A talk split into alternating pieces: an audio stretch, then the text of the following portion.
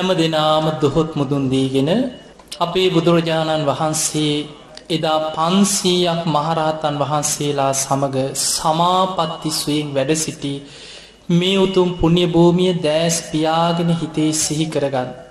ඔබ ඉදිරියේ බුදුරජාණන් වහන්සේ මේ පිම්බිම මත මේ මහා සෑ ඉදිවෙච්ච මේ උතුම් පුුණ්‍ය භූමිය මත පන්සීයක් මහරහතන් වහන්සේලා සමඟ සමාපත්තියෙන් වැඩ සිටිය. ඒ සිදුවීම හිතේ සිහිකරගෙන හදවතින්ම වන්දනා කරමු. බුදුරජාණන් වහන්සේ ප්‍රධාන පන්සීයක් මහරහතන් වහන්සේලා සමාපත්තියෙන් වැඩ සිටිය මේ උතුම් පිම්බිමට මාගේ නමස්කාරය වේවා කියල වන්දනා කරන්න. කකුසඳ බුදුරජාණන් වහන්සේ හතලිස්දාහක් මහරහත්තන් වහන්සේලා සමඟ මේ පිම්බි මේ සමාපත්තියෙන් වැඩ හිටිය. කෝනාගමන බුදුරජාණන් වහන්සේ තිස්දාහක් මහරහත්තන් වහන්සේලා සමඟ මේ පිම්බි මේ සමාපත්තියෙන් වැඩ හිටිය. කාශ්‍යප බුදුරජාණන් වහන්සේ විසිදාහක් මහරහත්තන් වහන්සේලා සමඟ සමාපත්තියෙන් වැඩ සිටිය. ඒ සිව් බුදුරජාණන් වහන්සේලා සමාපත්ති ස්වයෙන් පූජනීයත්වයට පත් කළ මේ මහා සෑය පිහිටි පිම්බිමට මාගේ නමස්කාරය වේවා කියල සාදු කියල වන්දනා කරන්න. ඒ වගේම බුදුරජාණන් වහන්සේගේ ද්‍රෝණයක් සර්වඥ ධාතුන් වහන්සේලා ඉදා මේ භූමී අහසේ බුදුරුව මවාගෙන යමා මහ පෙළහර පෑවා. දෑත නලලිතියාගෙන මේ චෛත්‍යයට ඉහළ අහස් කුස දිසාව බලාගෙන හිතේ මවාගන්න පුළුවන්නන් සිහි කරගන්න. ද්‍රෝණයක් සර්වඥ ධාතුන් වහන්සේලා ධාතු කරඩුව සමග අහසට පැනනැගලා කරඩු අහසේ විවර වෙලා. ද්‍රෝණයක් ධාතුන් වහන්සේලාගේ බුදුරුව දෙතිස් මහා පුරුෂ ලක්ෂණයන්ගෙන් යුක්ත ඒ අංග සම්පූර්ණ බුදුරුවක් අහසි මැමිලා.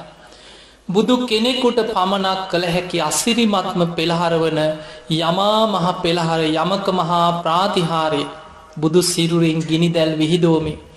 ජල දහරාවන් විහිදෝමින් යමා මහ පෙළහර පෑ මේ උතුම් පුුණ්‍යභූමියයේ ඒ උතුම් සර්වඥ ධාතුන් වහන්සේලාට මාගේ නමස්කාරය වේවා කියල සාදු කියල වන්දනා කරන්න.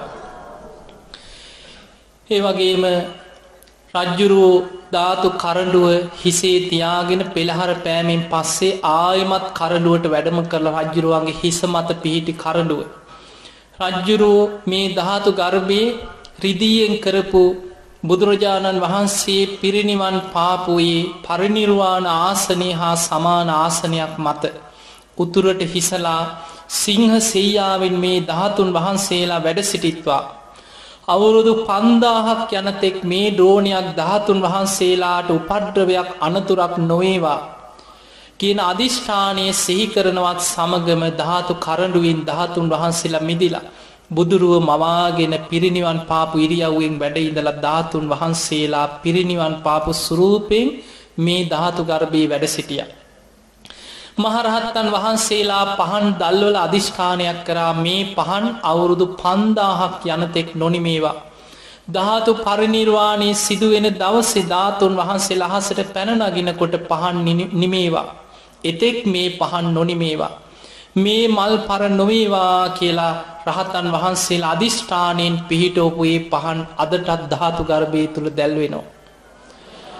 ඒ උතුම් දහතුන් වහන්සේලා සිහිකරගෙන මේ චෛත්‍යරාජාණන් වහන්සේ දෙස බලාගෙන හදවතිම්ම වන්දනා කරන්න ඔබටත් මටත් අප හැම දෙනාටමත් මේ මහා සෑය වන්දනා කිරීමෙන් ලැබෙන ඒ මහා පින උතුම් නිවන් අවබෝධය පිණිසම අප සියලු දෙනාටම උපකාර වේවා වේවා වේවා ඒ මහා සෑයටත් ධාතුන් වහන්සේලාටත් ඒ ධාතු ගර්භය තුළ වැඩ සිටින සියලු ද්‍රෝණයක් සර්වඥ ධාතුන් වහන්සේලාටත් මේ මහා සෑයටත් මාගේ නමස්කාරයම වේවා වේවා සාධූ සාධූ සාධ.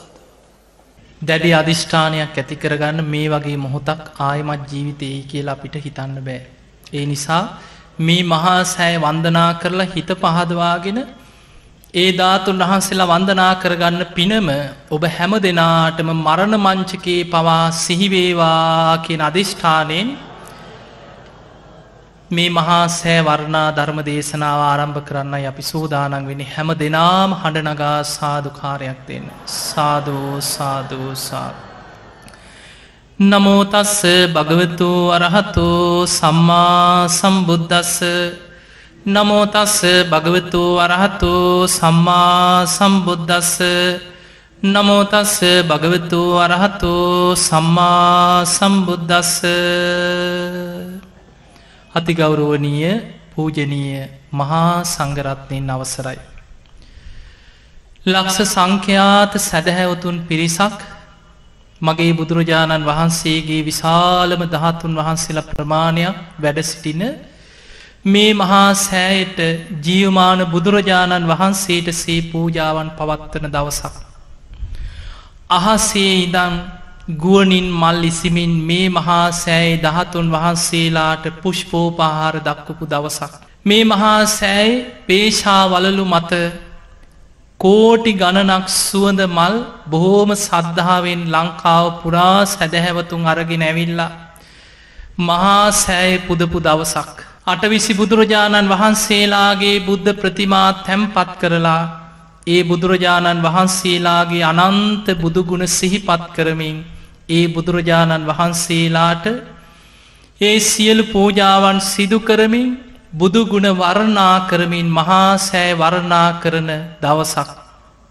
පිංගතුනි අද දවස ඔබේ ජීවිතයේ මරණ මංචකේ පවා මේ පින සිහිකරගෙන අපි හැම දෙනාටම සුගතිගාමී වෙන්න මහා පින් රැස්වෙන දවසක්. පිංගතුනි මිහිදු මහරහතන් වහන්සේදා මේ පිම්බිමේ මේ මහමෙවුනා උයන මිහිදු මහරහතන් වහන්සේට දේවානම් පීතිස්ස රජ්ජුරු අත පැන් වක් කරලා පෙර බුදුරජාණන් වහන්සේලාට පූජා කරපු මේ භූමියම සඟ සතු කරලා ගෞතම බුද්ධ ශාසනයේ වෙනුවෙනුත් මිහිදු මහරහතන් වහන්සේට පූජා කරා.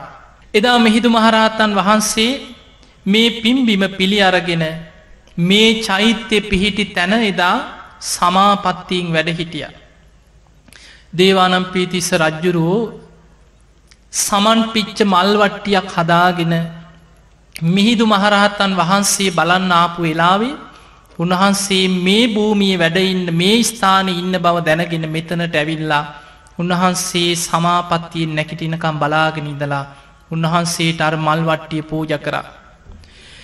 මිහිදු මහරහතන් වහන්සේ මල්වට්ටි අතේ තියාගෙන අධිෂ්ඨානයක් කරලා රජ්ජුරුවන්ට දුන්න රජතුමනි මේ මල්ටික මේ භූමියේ මේ මහපොලොවේ ඉහින්න.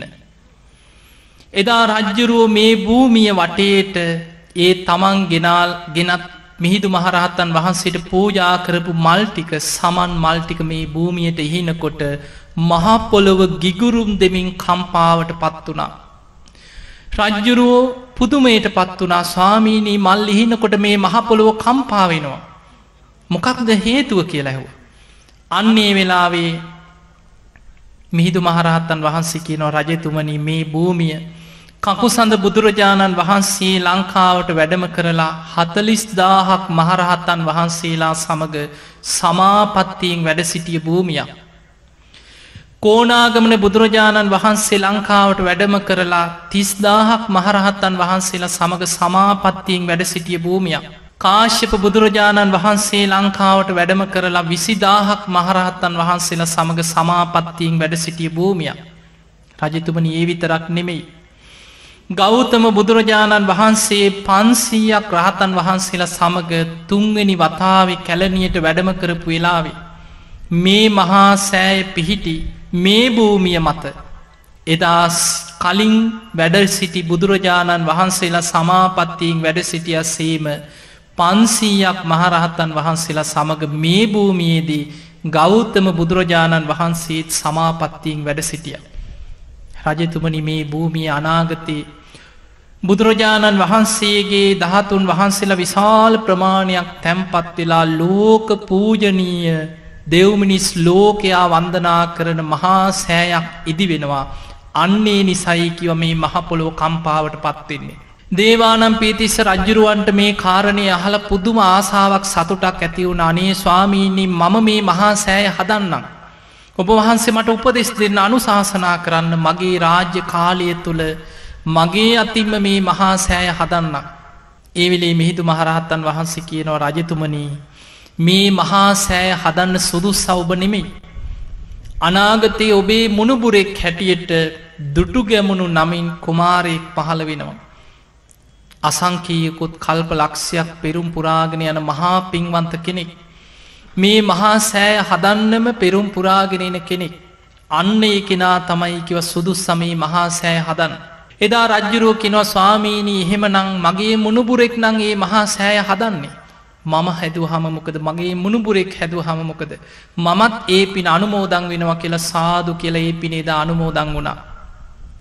මෙහිදු මහරහතන් වහන්සේ කියන රජතුමනි අනාගතයේ ඔබේ මුණුපුරෙක් හැටියට පහළ වෙන්න ඒ රජ්ජුරුවන්ට මේ භූමිය හඳුනගෙන ඒ මහා සෑය ඉදි කරන්න මේ සියලු තොරතුරු සටහන් කරලා මේ බිමේ සෙල් ටැඹක් පිහිටවන්න. මිහිදු මහරහත්තන් වහන්සේගේ උපදෙස් පරිදිී එදා දේවානම් පේතිස් රජ්ජුරුව මේ චෛත්‍යය ඉදිවෙන භූමියයේ සියලු තොරතුරු සටහන් කරලා සෙල් ටැඹක් පිහිටෙව්වා. ඒ වගේමයි රත්තරම් පත්තීරු කීපේක ඒ සියලු තොරතුරු සටහන් කරලා කරඩු කීපේක තැම්පත් කළ ස්ථාන කීපේක ආරක්ෂිතව තිබ්බා. අනාගතයේ දුටු ගැම රජ්ජුරුවන්ට මේවා හොයාගෙන මේ බිම අඳුනගෙන මේ මහා සෑය ඉදිකරන්න පහසුව පිණිස. පිංහතුනි දුටු ගැමනු රජ්ජුරුවෝ මේ රට එක්සේ සත් කරලා. අනුරාධපුරේ එදා මේ රටේම රජතුමා හැටියට අභිෂේක ලබලා පෙර රජවරුන්ගේ පුරුද්ධ අනුව එදා තිසා වැවේ දියනාන්න ගිය වෙලාවේ. රජ්ජරුවන්ගේ අමාත්‍යවරු ඇතුළු පිරිස යුද්ධයේ ඉදිරියේ මරගෙන ගිය සර්වඥ ධාතුන් වහන්සේලා තැම්පත් ජයකොන්තේ අරගෙන ගිහිල්ලා. ඒ රජ්ජුරුවෝ තිසා වැවේ නාල ගොඩට එනකං ඒ අසල පිහිටි තැනක මේ ජයකොන්තේ පිහිටෝල අර අමාත්‍යවරු පිරිස එතන වාඩි වෙලා හිටිය. රජ්ජුරෝ දියනාල තිසා වැවෙන් ගොඩට ඇවිල්ලා ජයකොන්තේ ගන්න හදනකොට මේ ජයකොන්තේ හොල්ලන්නවත් බෑ. මහා ආශ්චරයක් තිබ්බ තැන එහෙම්මම පිහිටල. රජ්ජුරුවන්ගේ අධිෂ්ඨානයක් තිබුණා පුංචි කාලේ දුටු ගැමනු කුමාරයටත් තිස්ස කුමාරයටත් බත් කවනකොට තමන්ගේ පිය රජ්ජුරු පොරොන්දුවක් කරගෙන තිබ්බා මහා සංඝයාට නොදී කිසිම ආහාරයක් ගන්න එපා කියලා. හැබැයි රජ්ජුරුවෝ රජවෙච්ච ගමන් සිහි කරලා බැලුවේ මගේ ජීවිතය තුළ මම මහා සංඝයාට පූජා නොකර යම් කිසි ආහාරයක් ව්‍යාංජනයක් ගත්තද මතක් වුණා මිරිස් වෑංජනයක් මං ගත්තා. ඊට දඩුවමක් වසේ මම සංඝයා වෙනුවෙන් බුද්ධ ශාසනය වෙනුවෙන් යමක් කළ යුතුයි කෙන අධිෂ්ඨානි රජ්ජුරුව තුළ තිබ්බ නිසා රජ්ජුරුව තීරණය කරා එහෙමනම් මේ ජයකොන්තේ තැම්පත් කරලා මම මහා සෑයක් ඉදි කරනවා. රජ්ජුරෝ රජකමට පත්වෙලා අවුරුදු තුනක් වගේ කාලයක් ඇතුළත මිනිස්ස වැටි චෛත්‍යරාජාණන් වහන්සේ තම ඉස්සරලාම ඉදිකරේ. යුද්ධයේදී තමන්ට යුද ජයග්‍රහණය වෙනුවෙන් ජයග්‍රහණයේ සංකේතය හැටියට පෙරමුණේ අරගෙන ගිය සර්වඥ ධාතු තැම්පත් ජයකොන්තේ තැම්පත් කරලා. මිරිස්ස වැටි චෛත්‍ය හදල පූජා කරන්න ලංකාව පුරා වැඩ සිටි භික්‍ෂූන් වහන්සේලා ඇතුළු මේ රහතන් වහන්සේලාට පණවිඩියව්ව ලක්ෂයක් සඟ පිරිස රැස් වුණා. අනෝදාහක් භික්‍ෂුණීන් වහන්සේලා රැස් වුණා. මේ සියලු දෙනාට මිරිස්ස වැටි සෑයත් මිරිස්ස වැටි විහාරයත් සඟ සතු කරලා පූජා කරා දුටු ගැමු රජ්ජුරු. ඒ තමයි දුටු ගැමු රජ්ජුරුවන්ගේ පලවෙනි චෛත්‍ය ආරාම පූජාව. දුටුගැම රජ්ජුරුව මේ මහා සෑය කරවන්න පෙරයි සංඝයා වෙනුවෙන් නවමහල් ප්‍රාසාදයක්ද කරලා පූජ කරේ. පිංහතුනි දුටුගැම රජ්ජුරුව යුද්ධය අවසන් වෙලා මිරිස වැටි චෛත්‍ය හදලා සංඝයාට පූජ කරලා ඉවර වෙලා සඟ පිරිස රැස් කරලා කියනවා ස්වාමීනී. ඔබ වහන්සේලාත් මේ යුද්ධ නිසා බොහෝ පීඩාවන්ට පත් වනා. ඔබ වහන්සේලාට පෝය කර්ම විනේ කර්ම කරන්න යම් යම් බාධාවන් පවා සිද්ධ වෙන්න ඇති. ඒ නිසා ඔබවහන්සේලාට දිවිය මාලිගාවක් වගේ පෝයගයක් කරලා මං පූජා කරන්න මට සුදුසු සැලැස්මක් ගෙනත් දෙන්න කියෝ. එදා මහරහත්තන් වහන්සේලා එකතු වෙලා සාකච්ඡා කරලා රහතන් වහන්සේලා අට නමකට පැවරුවා දෙව්ලොවට ගිහින් සුදුසු සැලැස්මක් කරගෙනෙන්නේ. මේ රහතන් වහන්සේ අට නම දිවිය ලෝකෙට වැඩම කරලා තාවතිංස දිවිය ලෝකයේ බීරණී කියන දිව්‍යාංගනාවට පහළ වෙච්ච නව මහල් දිවිය ප්‍රාසාදයේ සැලැස් මැදගෙන දෙව්ලොව ඉඳං ඇවිල්ල රජ්ජුරුවන්ට දුන්න රජතුමනි මෙන්න මේ විදිහ දිවිය මාලිගාවක් වගේ පෝයගයක් කරලා අපිට පූජ කරන්න. ඉරදි බල සම්පන්න රහතන් වහන්සේලා දිවිය ලෝකෙට වැඩම කරලා බීරණී කෙන දිව්‍යාංගනාවගේ දිවිය මාලිගාවේ සැලැස්ම තමයි ගෙනහල්ලා රජ්ජුරුවන්ට දුන්නේ. අන්න ඒ සැලැස්මට අනුව තමයි ලොවා මහාපාය නම් වූ ඒ පෝයගේ උපෝසතාගාරය කරලා දුටු ගැමුන් රජ්ජුරුවූ මහා සංඝයා උදෙසා සඟ සතු කරල පූජ කරේ. ඒ මහා පින්කම ඒ පූජාව අවසන් වෙලා රජ්ජුරුවමොකද කරේ ලක්ෂයක් ධනය වියදං කරලා ජයශ්‍රී මහා බෝධීන් වහන්සේට බෝධි පූජාවක් පැවැත්තුවා. ඒ පූජාව පවත්වල එනකොට රජ්ජුරුවන්ට ඊට පෙර රන් කරඩුවක එදා දේවානම් පේතිස්ස රජ්ජුරුවෝ ලියල තිබ්බ මේ මහා සෑය කරවන විස්තරේ ලැබිල තිබුණේ. හැබැයි එදා බෝධීන් වහන්සේට පූජාවතියලා එනකොට මේ භූමියයේ පිහිටි සෙල් ටැඹ රජ්ජුරුවන්ට අර අමාත්‍යවරු දැකල ඇවිල්ලා ආයමත් ඒක කියව්වා. එදා දුටුගැම රජ්ජුරුවන්ට හිතුනා මිහිදු මහරහත්තන් වහන්සේ එදා දේවානම් පෙතිස් රජ්ජුරුවන්ට මං ගැන ප්‍රකාශයක් කරා නේද. පිංහතුනයේ ප්‍රකාශෙ ලියල තිබ්බේ අනාගතයේ දුටු ගැමනු නම් රජ කෙනෙ. එකසිය විස්තිරියන් උස මහා සෑයක් කරවලා බුදුරජාණන් වහන්සේගේ විශාලම දහතුන් වහන්සේල ප්‍රමාණයක් තැම්පත් කරලා මේ භූමයේ මහා සෑයක් ඉදිකරන වගයි කියනේ වැකී සඳහන් කරලා තිබුණ. දුටුගැම රජ්ජුරුව එදා ජයශ්‍රී මහා බෝධීන් වහන්සේ වන්දනා කළ මාලිගාවට ගිය මම කොහොමහරි මේ මහා සෑ ඉදිකරනවා කියෙන අධිෂ්ඨාන හිතේ දරාගෙන. හැබැයි පිංහතුනි දුටු ගැමුන් රජ්ජුරුවෝ මාලිගාවට ගිහිල්ලා තමන්ගේ සිරි යහන නිදාගන්න ගිහිල කල්පනා කරනවා යුද්ධය අවසන් වනා අවුරුදු කීපයක් ගත වුණා විතරයි. අවුරුදු ගණනක් සොලීන් සමඟ යුද්ධ කරලා මේ රටේ බොහෝ පිරිසක් පීඩාවට පත් වනා. මං කොහොමද මේ මිනිස්සුන්ගෙන් අයබදු අය කරන්න මේ මහා සෑයක් හදන්න.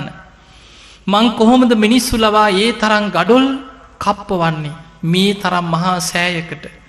රජ්ජුරුව මේ විදිහට හිතනකොට රජ්ජුරුවන්ගේ දවල චට්‍රයට අරක් ගත්ත දිව්‍යාංගනාව දෙවිවරු අතේ පණවිඩ ඇව්වා සක්‍ර දෙවියන්ට. සක්‍ර දෙවියන්ට දෙවියන්ගේ පණවිඩේ ගිය අන්න දුටු ගැමුණු රජ්ජුරුව මහා සෑ ඉදි කරන්න ගඩොල් හොයාගන්නේ කොහොමද චෛත්‍යයට අවශ්‍ය උපකරන හොයාගන්නේ කොහොමද කියලා පසු තැවීමෙන් කල්පනා කර කර ඉන්නවා. අන්නේ වෙලාවෙ තමයි සක්‍ර දෙවියන් විශ්ව කර්ම දෙවියන්ට කතා කරලා අනකරේ ඔබ ගිහින්. දුටු ගැමුණු රජ්ජුරුවෝ මහා සෑ ඉදි කරන්න ගඩොල් හොයාගන්නේ කොහොමද අවශ්‍ය ද්‍රව්‍ය හොයාගන්නේ කොහොමද කියලා කල්පනා කරනවා. ඔබ ගිහිල්ල මහා සෑයට අවශ්‍ය ගඩොල් මවන්න. මහා සෑයට අවශ්‍ය අනෙක් සියලු උපකරන මවල එන්න කියලා විශ්වකර්ම දෙවියන්ට සක්‍ර දෙවියන් විසින් අන කරා. පිංවතුනි විශ්වකර්ම දෙවියන් මේ අනුරාධපුරේ උතුරු දිසාවේ ගව් හතරක් දුරින් ගඩොල් ගොඩක් මැව්වා මහා වනාන්තරයක් පිරෙන්න.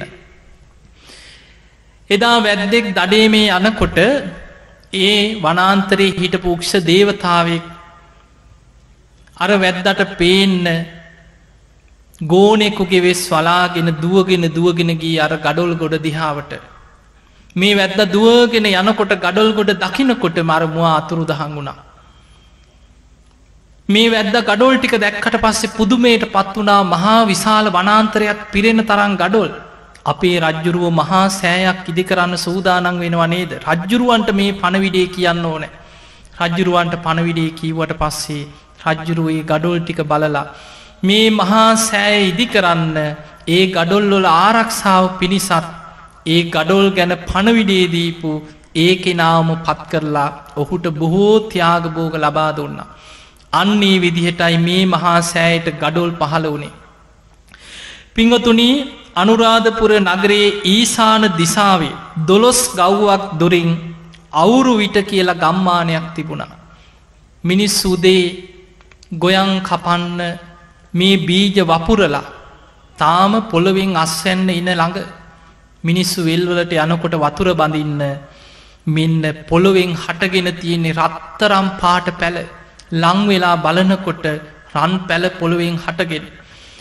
මේ රෑ එලිවෙනකොට පොළොවෙන් පහළ වෙච්ච මේ පැල සමහර පැල වියතක් තරන් දිගයි. සමහර පැල අඟල් කීපයක් අඟල් දෙක තුනක් තරම් ප්‍රමාණී යුක්තයි.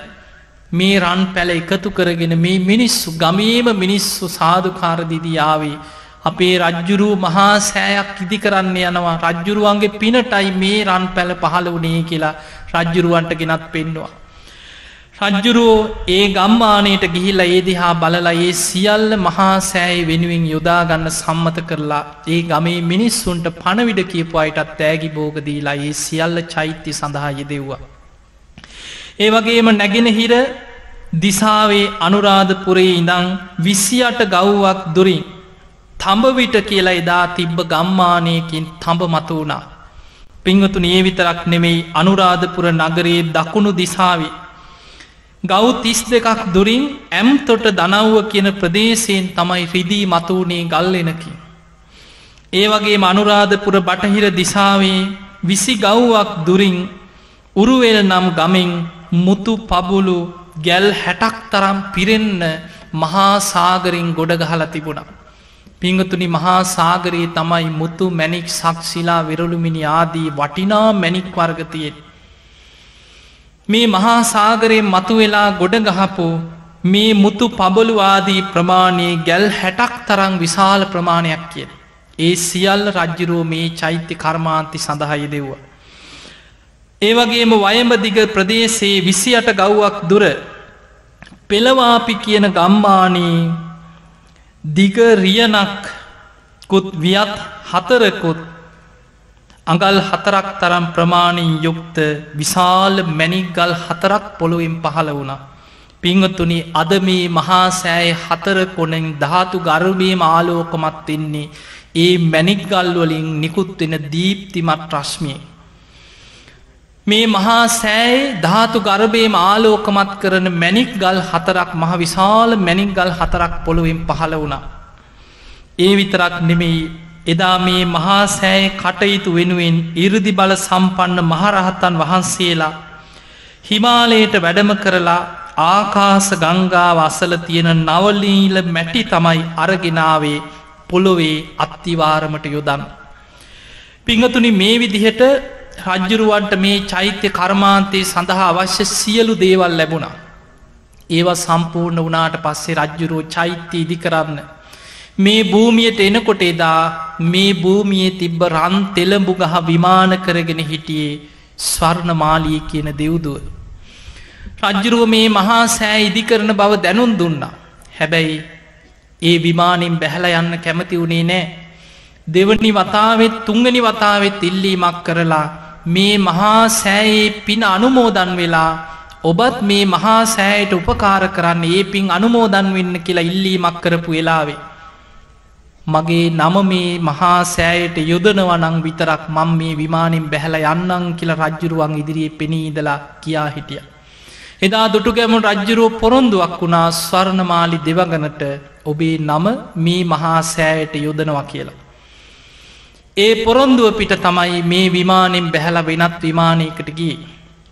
පිංහතුනි මේ මහා සෑය ඉදි කරන්න පොල්ලොව සකස් කරන්න පටන්ගත්තේ වෙසක් පුන් පොහෝ දවසක. මහරහතන් වහන්සේලාගේ උපදෙස් පරිදි මහරහතන් වහන්සේලා රැස් කරලා උන්වහන්සේලාගේ අනුශාසනා පරිදි තමයි මේ භූමියයේ පොළොව සකස් කරන්න රන් තෙළඹු ගහ ඉවත් කරලා පොළොව සකස් කරන්න දුටුගැමු රජ්ජුරෝ කටයුතු කරේ. ඒ පොළොවේ සකස් කරන කටයුතු අවසන් කරලා. ඇසලපුන් පොහෝ දවසක උට්‍රසල කියන නැකතින් තමයි මංගල උළු තැම්පත් කරන්න සියලු කටයුතු යොදල තිබ්බේ. පිංගතුනී දුටුගැමු රජ්ජුරුව හිතුවේ මේ මහා සෑය මීටත් වඩා විශාල ප්‍රමාණින් හදන්. මේ මහා සෑයේ බිම ලකුණු කරන වෙලාවේ එදා වැඩහිටිය මහරහත්තන් වහන්සේලා අතරින්. සිද්ධාර්ථ නම් වූ මහරහත්තන් වහන්සේ දැක්කා අනාගත ඥානීම් බැලුවා මේ තරං විශාල මහා සෑයක් රජ්ජුරුව ඉදිකරොත් මේ සෑයේ වැඩ අවසන් කරන්න පෙර අඩක්වත් අවසන් කරගන්න ලැබෙන්න පෙර රජ්ජුරුවන්ගේ ජීවිතය අවසන් වෙලා යනවා. ඒ වගේ මනාගත ඇතිවන නොයෙක් ස්භාවික විපත්තාදී විපත්වලින් මේ මහා සෑ ආරක්ෂා කරගන්න පවා අසීරු වෙනවා. ඒ නිසා මේ මහා සෑය ඉදිවිය යුත්තේ මෙන්න මේ ප්‍රමාණයටයි කියලා තීරණය කරපු සිද්ධාර්ථ නම් වූ මහරහත්තන් වහන්සේ රජ්ජුරුවන්ට කිනො රජතුමනි. මගේ පසු පසින් ඇවිදින් ඒ සීමාව ලකුණු කරගන්න කියලා සිද්ධාර්ථ නම් වූ මහරහත්තන් වහන්සේ මේ මහා සෑයි බිම ලකුණු කරමින් උන්වහන්සේ පියවරෙන් පියවර මේ මහා සෑය ඉදිවෙන්න ඕනෑ සීමාව පෙන්නමින් වැඩම කරා. උන්වහන්සේට පිටු පසින් සීමාව ලකුණු කරගෙන කෙනෙක් පැමිණිය. අන්නේ විදිහට තමයි මේ මහා සෑයි සීමාව පවා ඉරුදි බල සම්පන්න සිද්ධාර්ථ නම් වූ මහරහත්තන් වහන්සේ ලකුණු කරලා දුන්න. පිංගතුනි රජ්ජුරුව එදා මේ මහා සෑයේ මංගල උළුතියන්න බොහෝම උත්සවස් ශ්‍රීයෙන් නගරේම සරසලා පෙරහැරකින් තමන්ගේ අමාත්‍යවරු ඒ වගේම දස මහා යෝධයන් ඒ වගේ මනිකුත් යෝධ පිරිස් මේ සියලු දෙනා පිරිවරාගෙන මහරහත්තන් වහන්සේලා රැස් කරලා රන් කල රිදී කලාදියෙන් මේ භූමියම අලංකාරවත් කරලා රන් උළු කැට අටකුත් රිදී උළු කැට අටකුත් අරගෙන තමයි මේ මහා සෑයි මංගල උළු තැම්පත් කරන්න ඇසල පෝය දවස්සේ උට්‍රසල නැගතින් රජ්ජුරුව මේ භූමියට පැමිණිය. එදා මහරහත්තන් වහන්සේලාගේ පිරිත් සජ්්‍යායනා මධ්‍යයේ උට්‍රසල නැකතින් දුටුගැමනු රජ්ජුරූ රත්තරං උළු කැටයක් එදා මේ මහා සෑ වෙනුවෙන් මංගල උළු හැටියට තබනවත් සමගම මහපොලෝ පවා ගිගුරුම් දෙමින් කම්පාවට පත් වනා මේ පූජනයේ මහා සෑයට මහපොලෝ පවා නමස්කාර කරමි. දෙවි දේවතාවුන් අහසෙහිදන් සාධකාර දෙමින් මදාරා මල්වලින් පූජා ඩව්යවලින් අහසෙහිදන් පූජාවන් පවත්තුව. පිංහතුනි එදා මේ මහා සෑයි මංගල උළුතියපු දවසේ පියදස්සී නම් මහරහත්තන් වහන්සේ නමක් එදා මේ මහා සෑදි දේශනා කරපු ධර්මය ශ්‍රවණී කරලා මහා සෑයට මංගල උළුතියපු දවසේ හතලිස්දාහක් තරම් පිරිස උතු මරහත්වයට පත් වනා භික්‍ෂූන් වහන්සේලා. ඒ වගේම එදා දේශනා කරපු ධර්මය අහල විශාල පිරිසක් සෝවාන් සකදාගාමි අනාගාමි ආදී මාර්ග පල අවබෝධ කරගත්තා. දෙවි දේවතාවුන් විශාල පිරිසක් ධර්මාවබෝධය ලැබවා මංගල මහා උළු තැබූ මේ මහා චෛත්‍යයේ මංගල උළු ප්‍රතිස්ථාපනය කරපු ඒ උට්‍රසල නැකතින් ඇසලපුන් පොහෝ දවසේ පියදස්සී නම් මහරහත්තන් වහන්සේ දේශනා කරපු ඒ දේශනාව හලා. රජ්ජුරුව එදා ඒ දේශනාවෙන් පස්සේ භික්‍ෂූන් වහන්සේලාට ආරාධනා කරා ස්වාමීණී මේ මළුවේ පිරිත් සජ්්‍යායනා කරන සේක්වා. මහරහතන් වහන්සේලා තුන්යම් රාට්‍රියක් පුරා පිරිත් සජ්්‍යහායනා කරා. රජ්ජුරෝ දින හතක් මහා සංඝයාට මේ භූමියයේ දන් පූජා කරා. ඒ වගේම රජ්ජුරුවන්ට මංගල ඔලු තිබ්බට මේ මහා සෑ ඉදි කරන්නේ කොයි විදිහටද කියලා සැලැස්මක් ඔළුවට ඇවිල්ල තිබෙනෑ. රජ්ජුරුව වඩුවන්ට කියල තිබ්බ බොහොම ලස්සන සැලැස්මෝල් චෛත්‍යය ඉදිවෙන්න ඕනෑ දේවල් මට අඹල ගෙනහල්ල පෙන්නන්න. එදා විශ්වකර්ම දෙවියන් බෝම දක්ෂ නිර්මාණ ශිල්පියෙකුට ඒ කෙනාට ඇතුල් වෙලා. රත්තරම් භාජනයකින් ජලය පුරෝල ගෙනහල රජ්ජුරුව ඉදිරියේම ජලය බිඳක් අල්ලට අරගෙන අර ජලයේ පිට ගැහුවා. අර රත්තරම් භාජනයේ පිරෙන්න තිබ්බ ජලයෙන් තමන්ගේ අල්ලට පුරෝගත්ත ජලය දියපිට ගහනකොටම මහා දියබුබුලක් අර ජලයෙන් හටගත්තා.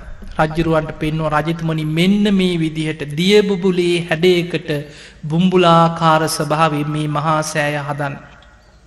රජ්ජුරුවයේ දියබුබුල දිහා දැකල පුදුම සතුරකට පත් වනා මේ මහා සෑ ඉදි කරන්න සුදුසු මෙන්න මේ විදිහටයි කියල රජ්ජුරු තීරණය ගත්තා. අන්නේ විදිහට තමයි මේ චෛත්‍ය වෙනුවෙන් ඒ කටයුතු පවා දෙවියන් උදව්පකාර කරලා මේ මහා සෑයි සැලසුම පවා රජ්ජුරුවන්ට පෙන්නුවේ. පිංහතුනී එදා රජ්ජුරුවෝ කල්පනා කරා දැම්මේ මහා සෑය බඳින වැඩ කටයුතු ආරම්භ කරලා. හැබැයි චෛත්‍යයට ගඩොල් මැවිල තියෙන්නේ බොහෝ දුර යොදුම් ගානක් දුර අනුරාධපුරේඉදම්. කොහොමද මිනිස්සු ලවා මේ මහා සෑයට ගඩොල් අද්දවන්නේ කියලා රජ්ජුරුව හිතුවා. පසුවදා මෙන්න කෙනෙක් දුවගෙන දුවගෙන ඇවිල්ල කියනො රජතුමනි හරි මාශ්චරයයි. මළුවට ගඩොල් බොහෝ ප්‍රමාණයක් ඊරෑ එල්ලි වෙනකොට පැමිණිලා. රජ්ජුරුවන්ගේ සිතුවිල්ල දැකළ දේවතාවරු. එදාට එදාට අවශ්‍ය ගඩොල් ප්‍රමාණයන් රාත්‍රී කාලේ මේ භූමියයට ගෙනහල්ල තිබ්බ කියලා ඉතිහාසි සඳහන් වෙනවා. මහාවන්සේ තූපවන්සේ ආදී ග්‍රන්ථවල සඳහන් වෙනවා.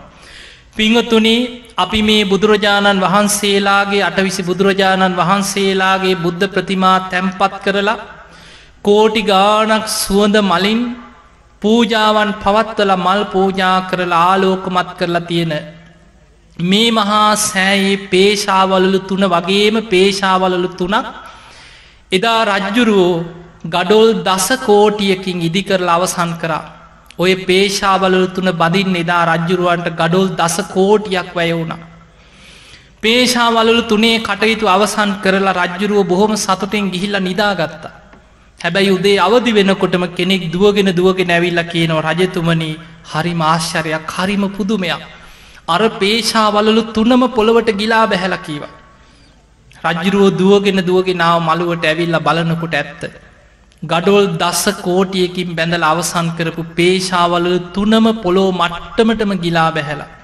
රජ්ජුරුව කියනවා කමක් නෑ ඔතන ඉදං ආයමත් පේශාවලලු බඳින්න කිය. දෙවනි වතාවටත් පේශාවලලු තුන ගඩොල් දස කෝටියකින් ඉදි කරා. පේශාවලලු තුන ඉදි කරල අවසන් වෙලා ඊළඟ දවසෙ බඩනකොට දෙවනි පේශාවලලු තුනත් දෙවනි වතාවට ඉදිකරපු ඒ පේශාවලලුත් ආයමත් පොලෝ මට්ටමට ගිලා බැහැලා. මේ විදිහට එක් වතාවක් දෙවතාවක් තුන් වතාවක් නෙමෙයි. නම වතාවක්ම මේ මහා සෑයි පේශාවලලු පොළොවට ගිලා බැස්සා. ඒ කියන්නේ ගඩොල් දස කෝටිය බැගින් නම වතාවක්. ගඩොල් අනූ කෝටියක් පොළොව ඇතුළට ගිලා බැස්සා. රජ්ජුරුව කල්පනා කර ඇයි මං මේ තරන් සද්ධාවෙන් හදන මේ මහා සෑයට මෙහෙම වෙන්නේ. මහරහතන් වහන්සේලා රැස් කර ලහනෝ ස්වාමීණී මගේ අඩුවත්ද ඔබහන්සේලාමන මට ආශිර්වාද කරේ මේ මහා සෑ ඉදි කරන්න. ඇයි මේ මහා සෑයට මෙහෙම වෙන්නේ. එතන වැඩ සිටිය ඉරදි බල සම්පන්න මහරහත්තන් වහන්සේලා කියන රජතුමනී ඔබේ අඩුවක් නොවෙයි. මේ මහා සෑය අවුරුදු පන්දාහක් යනතෙක් ආරක්ෂාවිය යුතුයි කිසිම උපඩ්‍රවයකින් අනතුරක් නොවී ඒ පිණිස මේ මහා සෑයි අත්තිවාරම ශක්තිමත් විය යුතුයි. මේ මහා සෑයි අත්තිවාරම ශක්තිමත්වීම පිණිස ඉරදි බල සම්පන්න රහතන් වහන්සේලා සම්මුතියෙන් අධිෂ්ඨාන කරලා මේ පේශා වලලු පොළොවට ගිලා බැස්සෙව්ව කියවා. රජ්ජුරුව මහා හඬින් සතුටෙන් සාධකාර දුන්නා මහරහත්තන් වහන්සේලා ඉරදියෙන් අධිෂ්ඨාන කරලා මේ මහා සෑය අවුරුදු පන්දාහක් පවතිනතෙක් ආරක්ෂාවෙන්නයි මේ පේශාවලලු පොළොවට ගිලා බැස්සෙවයේ කියලා රජ්ජුරුව සාධකාර දුන්නා. පිංහතුනි මහරහත්තන් වහන්සේලාගේ ඉරදිමේ අධිෂ්ඨානය මත ගඩොල් අනූ කෝටිය කත්තිවාරමක් පොළොව ඇතුළට ඉරදියෙන් ගිලා බස්සල තියෙනවා. අන්න ඒ මත ඉදිවෙච්ච පේශාවලලු තුන මතයි ඔබ මේ මහා සෑයට සියලු පූජාවන් පූජා කරන්නට ඉදුනේ. ගඩොල් අනූ කෝටිය කත්තිවාරමකින් ඒ මහරහත්තන් වහන්සේලා අධිෂ්ඨානයෙන් නම වතාවක් පොළොවට ගිලා බස්සපුේ පේශාවලලු මතයි අපි මේ මල් ඉසිමින් ආලෝක පූජා සුවද පූජාදී සියලු පූජාවන්ගේ මේ මහා සෑය පුදන් පිංහතුනි රජ්ජුරුව බොහොම සතුටෙන් යළි ආයමත් පේශාවලලු ඉදි කරන්න පටන් ගත්තා. මහරහතන් වහන්සේලා කියා හිටිය රජතුමනී ඔය හොඳටම ප්‍රමාණවත් කීවා. ආයමත් ගිලා බස්සවන් අවශ්‍ය වෙන්නේ නෑ ඒ නිසා ඔතන ඉදන් චෛත්‍ය බැඳගෙන යන්න කියව. රජ්ජුරුව බොහොම සතුටෙන් මේ චෛත්‍යයේ පේශාවලලු තුන ඉදිකරල අවසන් වෙලා. මහරහත්තන් වහන්සේලාට දැනුන් දුන්නා ස්වාමීනී පේශාවලලුවල කටයුතු අවසානයි. ධාතු ගර්භය වැඩ කටයුතු සිදු කළ යුතුයි. පිංවතුනි මේ මහා සෑයි ධාතු ගර්භය ගැන බොහෝම ලස්තන විස්තර ඇසක් ඉතිහාසි සඳහන් වෙනවා. දුටුගැම රජ්ජුරෝ මේ මහා සෑය හැදුවේ එකසිය විසිරියනක් උස ප්‍රමාණයෙන් තමයි මේ මහා සෑය හැදුවේ. ධාතු ගර්භයේ ප්‍රමාණය අසූරියන් බැගින් සම චතුරශ්‍රාකාර ධාතු ගර්භයක් නිර්මාණය කලා කියල සඳහන් වෙනවා. ඒම නං ඔබට මේ මහා සෑයි දකිනකොට ඔබට මැවිල පේනට ඕනෑ මේ මහා සෑයේ ධාතු ගරබී සම්පූර්ණයෙන්ම මේ බඳට ඇතුළෙ තියෙන්නේ අසූරියනක දිග පලල උස ප්‍රමාණී යුක්ත සම චතුරශ්ාකාර ධාතු ගර්භයක් වටවෙන්නයි මේ මහා සෑ ඉදි කරලා තියෙන. පිංහතුනි මේ මහා සෑ ඉදි කරලා ඒ ධාතු ගර්භ කටයුතු කරනකොට මහරහත්තන් වහන්සේලා ධාතු ගර්භය හදපු හැටි ඔබ දෑස් පියාගෙන සිහි කරලා හිතේ මවාගෙන ඔබට පුළුවන් සිහිකරගන්න මේ දහතු ගරභය තුළ රජ්ජුරුව මෙන්න මේ විදිහටයි ඒ පූජනය නිර්මාණයන් කරලා ධාතු තැම්පත් කරේ කියලා මේ කියන කරුණ ඔස්සේ ඔබට මවාගන්න පුළුවන්. එදා උත්තර සුමන කියන සාමනේර මහරහත්තන් වහන්සේලා දෙනම භික්‍ෂූන් වහන්සේලා සම්මත කරා උතුරුකුරු දිවයිනට හිමාල පර්වතයේ ඒ කඳමුදුනෙ තියෙන උතුරුකුරු දිවයිනට වැඩම කරලා. සතරාතින් සමාන වූ අටරියනක් බැගින් යුක්ත. ඒවගේම අසූරියනක් දිග ප්‍රමාණින් යුක්ත මේද වරණ පාශාන හයක් අරගෙනෙන්න කියලා. උත්තර සුමන කියන ඉරදි බල සම්පන්න මහරහත්තන් වහන්සේලා උතුරුකුරු දිවයිනට පිටත් කර. උන්වහන්සේලා අහසින් ගිහිල්ලා මේ ධාතු ගර්භය උස ප්‍රමාණී යුක්ත අසූරියනක් බැගින් උස ඒවගේම රියන් අටක් වට ප්‍රමාණී යුක්ත විශාල ගල් කුළුණු හයක් මේදවරණ පාශානින් යුක්ත වදමල් පැහැයෙන් දිලිසෙන ඒ ගල් කුළුණු හයක් ඉරදියෙන් අරගෙන අහසින් පැමිණිය මේ භූමියයට. ඒ කුළුණු හයෙන් එක් කුළුණක් මැද පිහිටෙව්වා. අනෙත් කුළුණු හතර හතර කොන පිහිටෙව්වා. එක් කුළුණක් ධාතු ගර්භය අවසානයේ දොරටුව වහන්න නැගෙනහිර වැලිමලුවේ සඟවල තිබ්බා. ඒ විදිහට තමයි ඒ රහතන් වහන්සේලා ඉරදියෙන් අරගෙනාපු මේද වරණ පාශානවලින් මේ ධාතු ගර්භයේ හතර කොන කණු හතර පිහිටෝලා මැද එක් කුළුණක් පිහිටෙව්වා. දුටු ගැමනු රජ්ජුරුවන් මහරහතන් වහන්සේලාගේ උපදෙස් පරිදි එදා මේ මහා සෑය ඉදි කරන්න මහරහතන් වහන්සේලා සම්මුතියෙන් පත් කරා ඉන්ද්‍රගුප්ත කියන මහරහතන් වහන්සේ. උන්වහන්සේ තමයි මේ මහා සෑයේ සියලු කටයුතුවලට අවවාද අනුශාසනා දුන්නේ. ඉන්ද්‍රගුප්ත මහරහත්තන් වහන්සේගේ උපදෙස් පරිදි මහා සෑයි මැදින් සටරුවනින් යුක්ත බෝධීන් වහන්සේ නමක් කෙරෙව්ව රජ්ජුරු. පිංගතුනි මේ මහා සෑයි ධාතු ගර්භී මැද සටරුවනින් යුක්ත උස රියන් දහටක් ඒ වගේම රියන් දහට බැගින් උඩටත් සතර දිසාවටත් අතු විහිදී ගිය බෝධීන් වහන්සේ නමක් සටරුවනින් ධාතු ගර්භී මැද රත්තරංගොලින් රජ්ජුරූ කරවල තියෙනවා. මේ බෝධයේ කඳ රිදීයෙන් කරවල තියෙනවා. බෝධයේ මුල් පබලුවලින් තමයි මුල් කරවල තියෙන පබලුවමයේ මානික්‍යවලින් මුල් කරවල තියෙනවා. ඒ වගේම ධාතු ගර්භය පුරා ඉන්ද්‍රනීල මානික්‍ය බිම අතුරලා බෝපත් ඒ සෑම අත්තකම දහාට රියන බැගින් සිව් දිසාවන්ට විහිදිලාගිය සෑම ශාකාවකම බෝපත් ඉන්ද්‍රනීල මානික්‍යවලින් තමයි බෝපත් කරවල තියෙන. මේ විදිහට රජ්ජුරුව මේ මහා සෑයි ධාතුගර්භය මැද බෝධීන් වහන්සේ නමක් කරවලා. ඒ බෝධියට මුදුනෙන් සුදු පාට වියනක් බැඳලා වියන් කෙලවර මුතුහා රන් රසු දැල් කරවල තියෙනවා. ඒවගේම වියන් කෙලවර සතර කොන නව ලක්ෂේ බැගින් මුතු තැම්පත් කරලා සතර දිසාව ඉදන් සතරවරන් දෙවියන් ඒ දෙස වන්දනා කරගෙන ඉන්න ප්‍රතිමා ඒවගේම අහසේ සඳහිරු දෙක නැකත්තරු ඒවගේම රන්පියුම් ඒ දෙස බලා සිටින සිව් පාවන් ඒවගේම හන්සයන් මල් පන්තීන් විචිත්‍ර ලෙස රත්තරනින් කරවල තියෙනවා.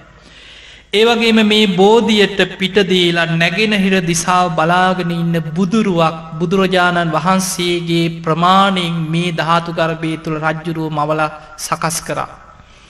පිංහතුනි රජ්ජුරුවන් නිර්මාණ ශිල්පීන් ලවා මහරහත්තන් වහන්සේලාගේ උපදෙස් පරිදි මේ ධාතු ගර්භයේ මැද මේ දැම් බුද්ධත්වයට පත්වෙච්ච බුදුරජාණන් වහන්සේගේ සුරූපයේ වජිරාසනය මත වැඩ සිටින බුදුරුව හා සමාන බුදුරුවක් බුදුරජාණන් වහන්සේගේ ප්‍රමාණයෙන්ම කෙරෙව්වා.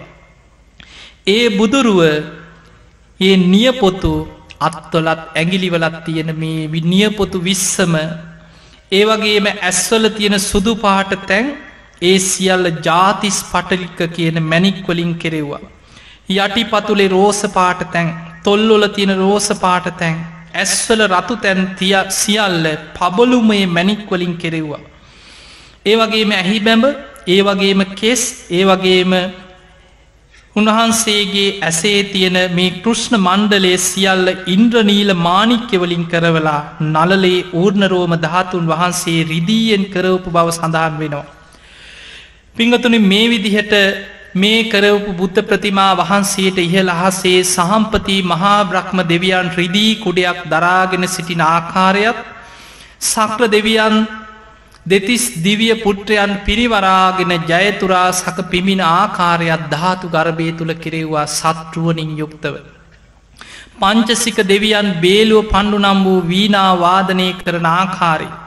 ඒවගේම නාග මානවිකාවන් පිරිවරාගත් මහා කෙල නම් නාගරාජයා බුදුරජාණන් වහන්සේට ස්තුූති ගෝත් ගෝෂාවන් පවත්වමින් තුනුරුවන් වන්දනා කරන ආකාරයේ සත්රුවනින් රජ්ජුරුව ධාතු ගර්භය තුළ කෙරෙව්වා. ඒවගේම සත් සතිය බලන්න මේ ධාතු ගර්භය බිත්තිවල බුදුරජාණන් වහන්සේගේ බුද්ධ චරිතයේ සිදුවීම් සියල්ල. උන්වහන්සේත් සත් සතිය ගත කරපු ආකාරය ඒ වගේම ප්‍රථම ධර්ම දේශනාව බිම්බිසා රජ්ජුරුවන් වේළුවනාරාම පූජා කරපු ඒ ආරාම පූජාව අග්‍රශ්‍රාවක දෙනම අසූ මහා ශ්‍රාවකයන් වහන්සේලා ප්‍රධාන පන්සීයක් සඟ පිරිස ඒවගේම කිමුල්වත් පුරයට වැඩම කරපු ගමන සාක්‍ය වන්සිකයන්ගේ මානයේ දුරු කරන්න යමා මහ පෙළහර පාපු සිදුවීම් සියල්ල ධාතු ගරබී බිත්තිවල සත්රුවනින් ඇඹුවා. ඒ වගේ මයි රාහුල කුමරු පැවිදිවීම නන්ද කුමරු පැවිදිවීම ආදී විශේසිත කටයුතු. ඒවගේම ජේතවනාරාම පූජාව ගන්ධබ්බ රුක්කමුලේ යමා මහ පෙළහර පෑම. බුදුරජාණන් වහන්සේ දෙව්ලෝට වැඩම කර අභිධර්ම දේශනාව සිදු කිරීම. සංකස්සට දෙව්ලොවින් මනුලෝට වැඩම කරපු ගමන. ඒවගේ උන්වහන්සේ දේශනා කර විශේෂ සූට්‍ර දේශනා රැසක සිදුවීම් ධාතු ගර්භය තුළ සට්ටුවනින් ඒ බිත්තිවල කෙරෙව්වා. ඒ වගේම බුදුරජාණන් වහන්සේ ආයු සංස්කාර අතහැරීම ඒ වගේ මල්ල රජදරුවන්ගේ උපවර්තන සාල වනෝද්‍යානයේ පිරිනිවන් පාපු ආකාරය උන්වහන්සේගේ ශ්‍රී දේහේ චිතකයකට නංවලා මහාකාශිප මහරහත්තන් වහන්සේ ප්‍රදක්ෂිනා කරමින් චිතකේට නලල තියෙනකොටම සිරිපතුල් චිතකයෙන් එලියට නික්මිලා මහාකාශිප මහරහත්තන් වහන්සේගේ නලලි පිහිටපුයේ සිදුවීම. ද්‍රෝණ බමුණා ධාතු බෙදපු සිදුවීම් ඒ වගේම පන්සිය පනස් ජාතකයේ විශේෂිත සිදුවීම්. වෙස්සන්ස්තර ජාතකය ඒවගේම මිහිදු මහරහත්තන් වහන්සේට මේ මහමයවුණාවෙන පූජා කිරීමාදී සියලු දේවල් ධාතු ගරබී බිත්තිවල සට්ටුවනින් කෙරෙව්වා. පිංහතුනී මේ විදියට මේ මහා සෑයි අසූරියනක උස දිග පලල ප්‍රමාණී යුක්ත ධාතු ගර්භය තුළ බෝධීන් වහන්සේ නමක් සට්ටුවනින් කරවලා දහාට රියන බැගින් අතු ශාකා විහිදීගිය බෝධීන් වහන්සේගේ බෝ පත් පවා මැනික්වලින් කරවලා බුදුරජාණන් වහන්සේගේ සුරූපේම බුද්ධ ප්‍රතිමා වහන්සේ නමක් නැගිනහිර දිසාවට මුහුණලා වඩා හිදවල ඒ බුද්ධ ප්‍රතිපා පවා මැනික්වලින් කරවපු රජ්ජුරුවෝ බුදුරජාණන් වහන්සේගේ ඩ්‍රෝණයක් සර්වඥ ධාතු තැම්පත් කිරීම පිණිස මේ ධාතු ගර්භයේ එදා මල රජදරුවන්ගේ උපවර්තන සාල වනෝද්‍යානයේ උතුරට හිසලා සිංහ සෙයාවෙන් සැතපිලා පිරිනිවන් මංචකේ තුළ පිරිනිවන් පාපු සුරූපේම ධාතු තැම්පත් කරන්න රිදී පිරිනිවන් මංචකයක් කෙරෙව්වා රිදියෙන්. මේ විදිහට කරවල රජ්ජුරුවෝ මේ ධාතු ගර්භයේ හතර කොන විශාල මැනිගල් හතරක් තිබ්බා මුළු ධාතු ගර්භය ආලෝකමත් කරන්න මහපොළුවෙන් පහළවෙච්ච. ආලෝක විහිදෙනයේ මැනිගල් ධාතු ගර්භය හතර කොන පිහිටෙව්වා. මේ විදිහට රජ්ජුරුව මේ ධාතු තැම්පත් කරන්න සියලු කටයුතු ධාතු ගර්භය අවසන් කරලා. ධාතු ගර්භයේ ඉහල වහලේ දෙතිස් දිවිය පුට්‍රයන් ඒ වගේම ලියවැට පහන් දල්වාගෙන සිටින දෙව්‍යාංගනාව අටවිසි යක්ෂ සේනාධිපතුරයරුම් ඒවගේම දොහොත් මුදුන්දී වැඳගෙන සිටින දෙවදිවරු මල්මාලාගෙන ඉන්න දේවතාවරු රන් කල ඒවගේම රිදී කල ආදිය ගෙන සිටින දේවතාවරු වාදී මල් ආදිය රැගෙන ඉන්න දේවතාවරුන්ගේ රූපයන්. මේ දහතු ගර්භය ඉහල කොන වටේට සත්රුවනින් කරවලා රජ්ජුරුව මහා විහාරික මහරහත්තන් වහන්සේලා රැස් කරලා කියනවා. ස්වාමීනී ධාතු ගර්භයේ වැඩ කටයුතු සියල්ල දැන් අවසානයි. ධාතු ගර්භයේ සියලු කටයුතු දැන් අවසන් කරලා තියෙන්. ඒ නිසා ධාතුන් වහන්සේලා තැම්පත් කරන්න ධාතුන් වහන්සේලා ලබා දෙන්න කියලා දුටුගැම රජ්ජුරුවෝ ධාතු ගර්භයේ වැඩ කටයුතු අවසන් කරලා මහරහත්තන් වහන්සේලාගෙන් ඉල්ලීමක් කරා. පිංවතුනේ මේ මහා සෑයි දුටුගැමුණු රජ්ජුරුවෝ ඒ කරපු ධාතු ගර්භයේ එදා මේ ලංකාවේ රජකංකරපු භාතිකාබේ රජ්ජුරුවෝ අතින් අල්ලගෙන ගිහිල්ලා ඉරදි බල සම්පන්න මහරහතන් වහන්සේ නමක් දහතු ගර්භය ඇතුළටම එක්කං ගිහිල්ල රජ්ජුරුවන්ම මේ ධාතු ගර්භය පෙන්නපු බව ඉතිහාසය සඳහන් වෙනවා. ඒවගේමයි භාතිකාබේ රජ්ජුරුව මේ ධාතු ගර්භය දැක්කලා ඇතිවෙච්ච සතුටට රජ්ජුරුවෝ කල්පනා කර අනේ මම මගේ පිනෙන් මේ දහතු ගර්භය දැකගත්තට මේ රටවාසීන්ට කොහොමද මං මේක පෙන්නන්න. මං මේක කීවට කොහොමද ඒ අය හිතේ මවාගන්න. තමන්ගේ මාලිගාව තිබ රන් රිදී මුතුමැණි කාදිය ලවා ඒ ධාතු ගරබේ තුළ තමන් දැකපු දේවල් නිර්මාණය කරවලා භාතිකාබේ රජ්ජුරුව තමන්ගේ රජ මාලිගාව ඉදිරියේ මණ්ඩපේක නගරවාසීන්ට අඩබෙර ගහලා ඒ ධාතු ගර්භයේ සැලැස්මේ ආකෘතියක් ප්‍රදර්ශනය කෙරවා කියල ඉතිහාසය සඳහන් වෙනවා. පිංහතුන ඒ නිසා මේ මහා සෑයට අපි සියලු දෙනාම මේ සියලු සිදුවීම් සිහිකරගෙන වන්දනා කරමු. අපේ බුදුරජාණන් වහන්සේගේ විශාලම ධාතුන් වහන්සේලා ප්‍රමාණයක් වැඩ සිටින මේ මහා සෑයට මාගේ නමස්කාරය වේවා. සාධෝ සාධෝ සාධෝ බුදුරජාණන් වහන්සේගේ ඒ ධාතුන් වහන්සේලා තැම්පත් කරන්න දුටුගැමුණු රජ්ජුරුවෝ ඉදි කළ මේ මහා සෑයි. අනූ කෝටියක ගඩොල්වලින් යුක්ත අත්තිවාරමක් ඉරදි බල සම්පන්න මහරහත්තන් වහන්සේලා පොළොවට ගිලා බැස්වා සත්‍යයි. ඒ මහරහත්තන් වහන්සේලාගේ ඉරදියෙන් ඒ පොළොවට ගිලා බස්සපු ඒ පේශා වලලු නමවතාවක් පොළොව ඇතුළේ ගඩොල් අනූකෝටියකින් ඒ සිටින අත්තිවාරම මත ඉදිවෙච්ච මේ මහා සෑයට මාගේ නමස්කාරය වේවා සාධූ සාධූ සාධූ. කකු සඳ කෝනාගමන කාශ්‍යප ගෞතමාදී සිව් බුදුරජාණන් වහන්සේලා භික්‍ෂූන් වහන්සේලා සමගින් මහරහත්තන් වහන්සේලා සමගින් සමාපත්තියෙන් වැඩ සිටිය මේ උතුම් පුුණ්‍ය භූමියයට මම නමස්කාර කරමි. මාගේ නමස්කාරය වේවා. සාධූ සාධූ සාධූ මේ මහා බඩ්ඩ කල්පේ ගෞතම බුදුරජාණන් වහන්සේගේ සතර වෙනුවලෝ පහළවී වදාළ ගෞතම බුදුරජාණන් වහන්සේගේ ද්‍රෝණයක් සර්වඥ ධාතුන් වහන්සේලා අහස්සට පැනනැගල බුදුරුව මවාගෙන යමා මහ පෙළහරපා මේ ධාතු ගර්භය තුළ අවුරුදු පන්දාහක් පුරා වැඩ සිටින ඒ පිරිනිවන් පා වදාළ ඉරියව්වෙන් වැඩ සිටි ද්‍රෝණයක් සර්වච්ඥ ධාතුන් වහන්සේලාට මාගේ නමස්කාරය වේවා සාධූ සාධූ සාධූ පිංහතුනි මේ සියල්ල සිහිකරගෙන.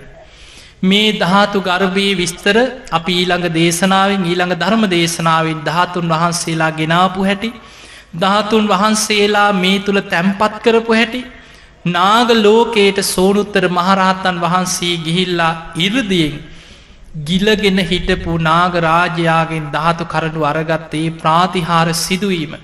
ඒවගේම ධාතු තැම්පත් කරන වෙලාවි ද්‍රෝණයක් ධාතු අහස්සේ බුදුරුවෝ මවාගෙන පෙළහර පාපුයි අසිරිමස් සිදුවීමත්.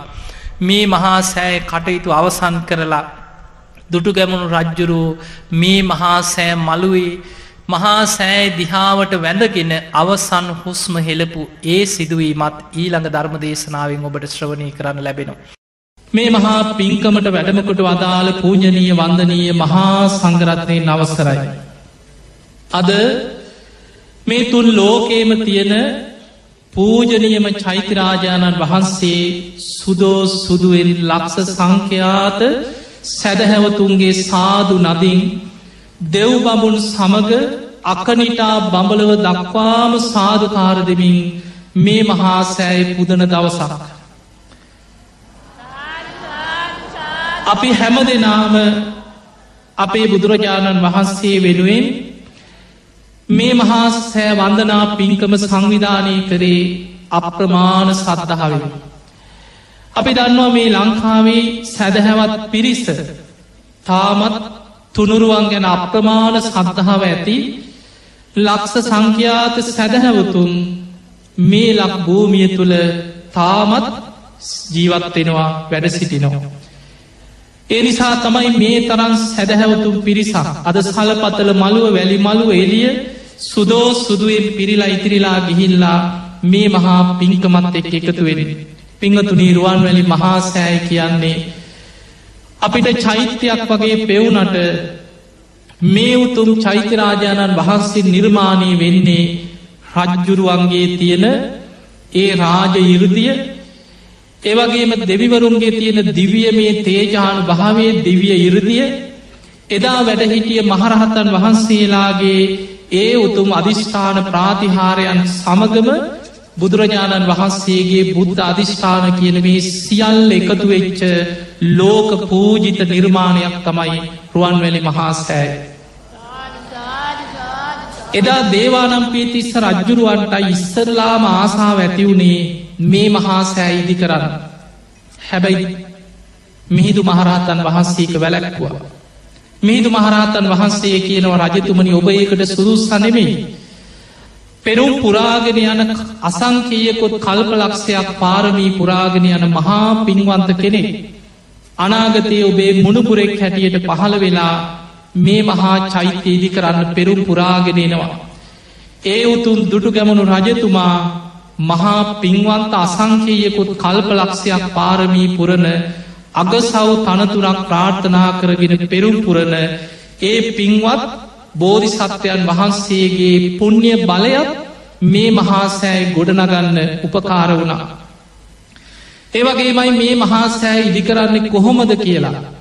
එදා දුටුගැමණු රජ්ජුරුවෝ කල්පනා කර කර ඉදිද්දී තමන්ගේ සේසත නරක්ගත්ත දේවතාව මේ පණවිඩේ අරගෙනගේ සක්‍ර දෙවියන්ට. ඒ මොහොතේ සක්‍ර දෙවියන් දේව සභාව රැස් කරලා විශ්ව කර්ම දෙවියන්ට පැවරුවා මේ මහාසෑයට අවශ්‍ය ගඩොල් ඒ වගේම රන්රිදී මුතුමැනි කාදී සියලු දේවල් සපයන්න කියලා. අනුරාධපුර උතුරු ගව් ගණනාවක් දුර මහ වනාන්තරයක් පිරෙන්න විශ්වකර්ම දෙවියම් මේ මහා සෑයට ගඩොල් මවනො. මේ මහා සෑ කතාව අහගෙන යනකොට කියවනකොට දෙවියන්ගේ දේවානු භාවේ මේ මහා සෑ ඉදි කරන්න දෙවියම් මොන තරම් උපකාර කරාද කියලා අපිට අදහගන්නුවත් පුළුවන් දෙයක් නෙවෙයි. ඒවගේමයි එදා වැඩහිටිය මහරහත්තන් වහන්සේලා. එදා දුටුකැමුණු රජ්ජුරුවන්ට මේ මහා සෑ ඉදි කරන්න සියලු සැලසුන් ලබා දුන්නේ ඉන්ද්‍ර ගුප්ත කියන මහරහතන් වහන්සේ.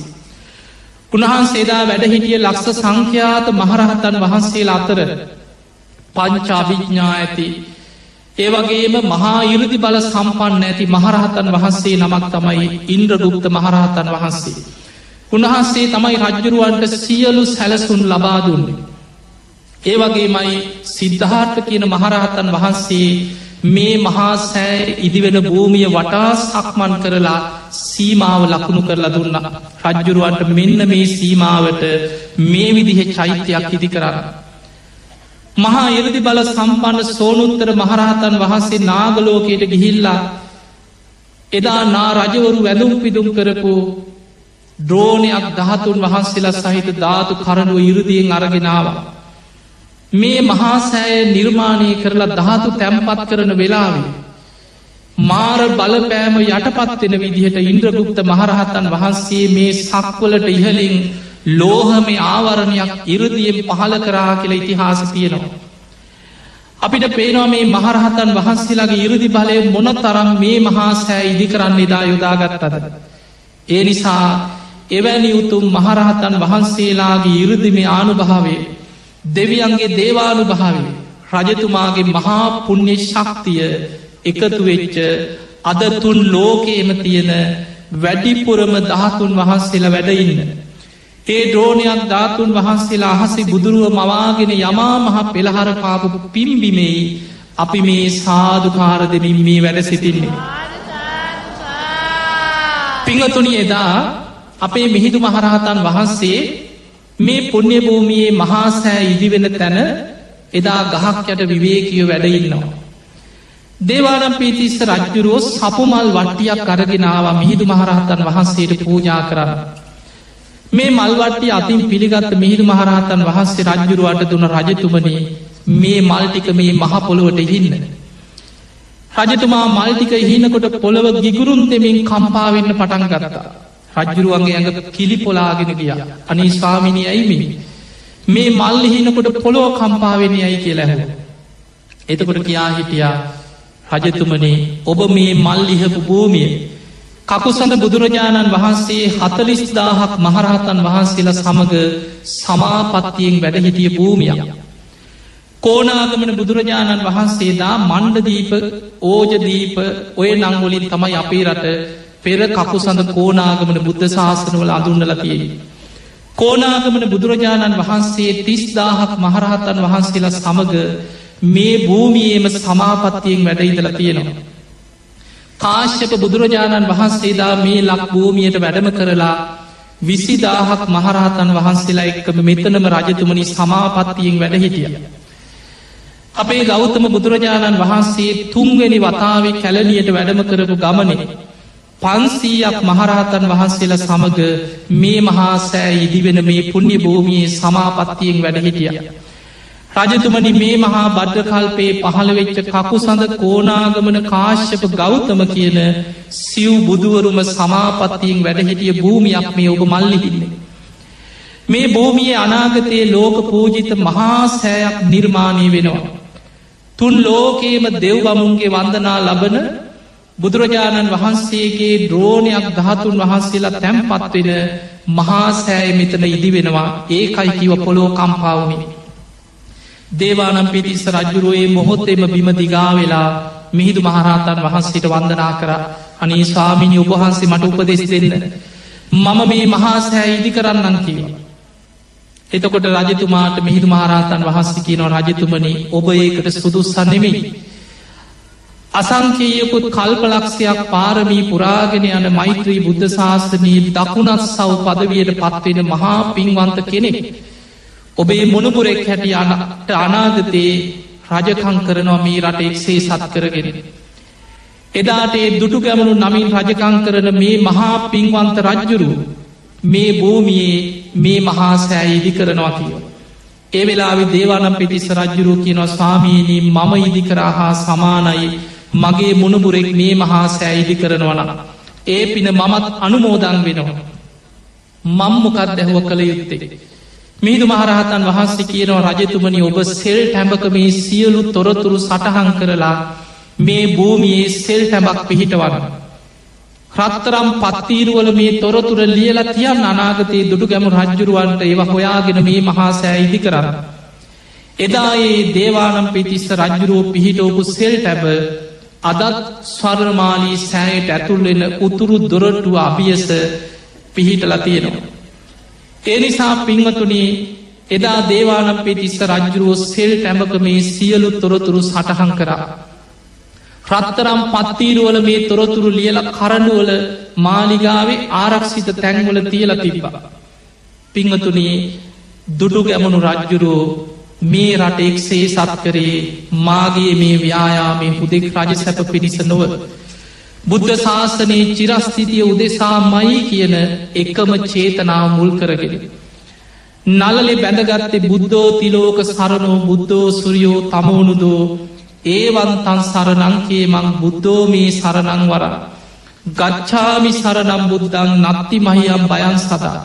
ඔය විදිහට බුද්ධ දම්ම සංග කියන තුනුරුවන්ගේ ගුණ ඇතුළත් ගාතාත් තුනක් ක්‍රන් පත්තීරුවල ලියාගෙන ජටාවෙන් නලලි බැඳගරතා. සර්වඥ දහතුන් වහන්සේලා ජයකොන්තේ තැම්පත් කරගෙන දහතු කරඩුවක් රැගෙන යනවා වගේ මහා සඟ පිරිස පන්සීය තිස්ස මහාරාමීදං දුටු ගැමණු රජතුමාගේ මේ රට එක්සේ සත් කරන පුුණ්ණි කරමයට පෙර ගමන් වැඩිය. මේ විදිහට වඩින රජ්ජුරුවෝ මගදී දැක්ක යන්නේ රට එක්සේ සත් කරන්න. හැබැයි මයි අංගනයට යනකොට මයි අංගන සෑය කරා වැටිලා. සියලු දෙනා එකතු කරගෙන මේ මහා චෛත්‍ය ඉදි කරා. මේ විදිහට ඇවිල්ල මේ රටම එක්සේ සත් කරපු දුටු ගැමුණු රජතුමා පළවෙනියටම කරේ යුද ජයග්‍රහණයේ පෙරමුණේ අරගෙන ගිය ජයකොන්තේ නිදං කරලා මිරිස වැටි චෛත්‍යරාජාණන් වහන්සේ ඉලි කෙරෙව්වා. ඒවගේමයි මහා සඟ පිරිස ලක්ස ගනම් මහා රහතන් වහන්සේලා මහා සංඝයා මහමෙවුණා උයනට රැස් කරලා කියනවා සාමීනී යුද්ධ නිසා බොහෝ කාලයක් ඇතිවෙච්ච කරදර නිසා ඔබවහන්සේලාට කරදර පීඩා ඇතිවෙන්න ඇති. ඔබහන්සේලට හරියට පෝය කර්ම විනේ කර්ම කරගන්න බැරිවෙන්න ඇති. මම ඔබහන්සේලාට දිවිය මාලිකාවක් වගේ පෝයගයක් කරනවා. මට සුදුසු සැලැස්මක් ගෙනත්දේ. එදා ඉරදි බල සම්පන්න මහරහතන් වහන්සේලා අට නමක් තවතිසා දෙව්ලොවට වැඩම කරලා බීරණී කියල දිව්‍යාංගනාවට පහළ වෙච්ච දොළොස් යොදුනක් විශාල නවමහල් දිවිය ප්‍රාසාධි සැලැස්ම රජ්ජුරුවන්ට ගෙනත් දුන්න රජතුමනී මෙන්න මේ සැලැස්මට අනුව පෝයගයක් අපිට කරලා දෙරෙන. එදා ඒ දිවිය විමානයක් වගේ නවමහල් දිවිය ප්‍රාසාධි සැලැස්මට අනුව තමයි ලෝවා මහාපාය කරවලා සංඝයාට පෝයගයක් හදල පූජ කරේ මේ මහා පින්වන්ත රජ්ජුරු.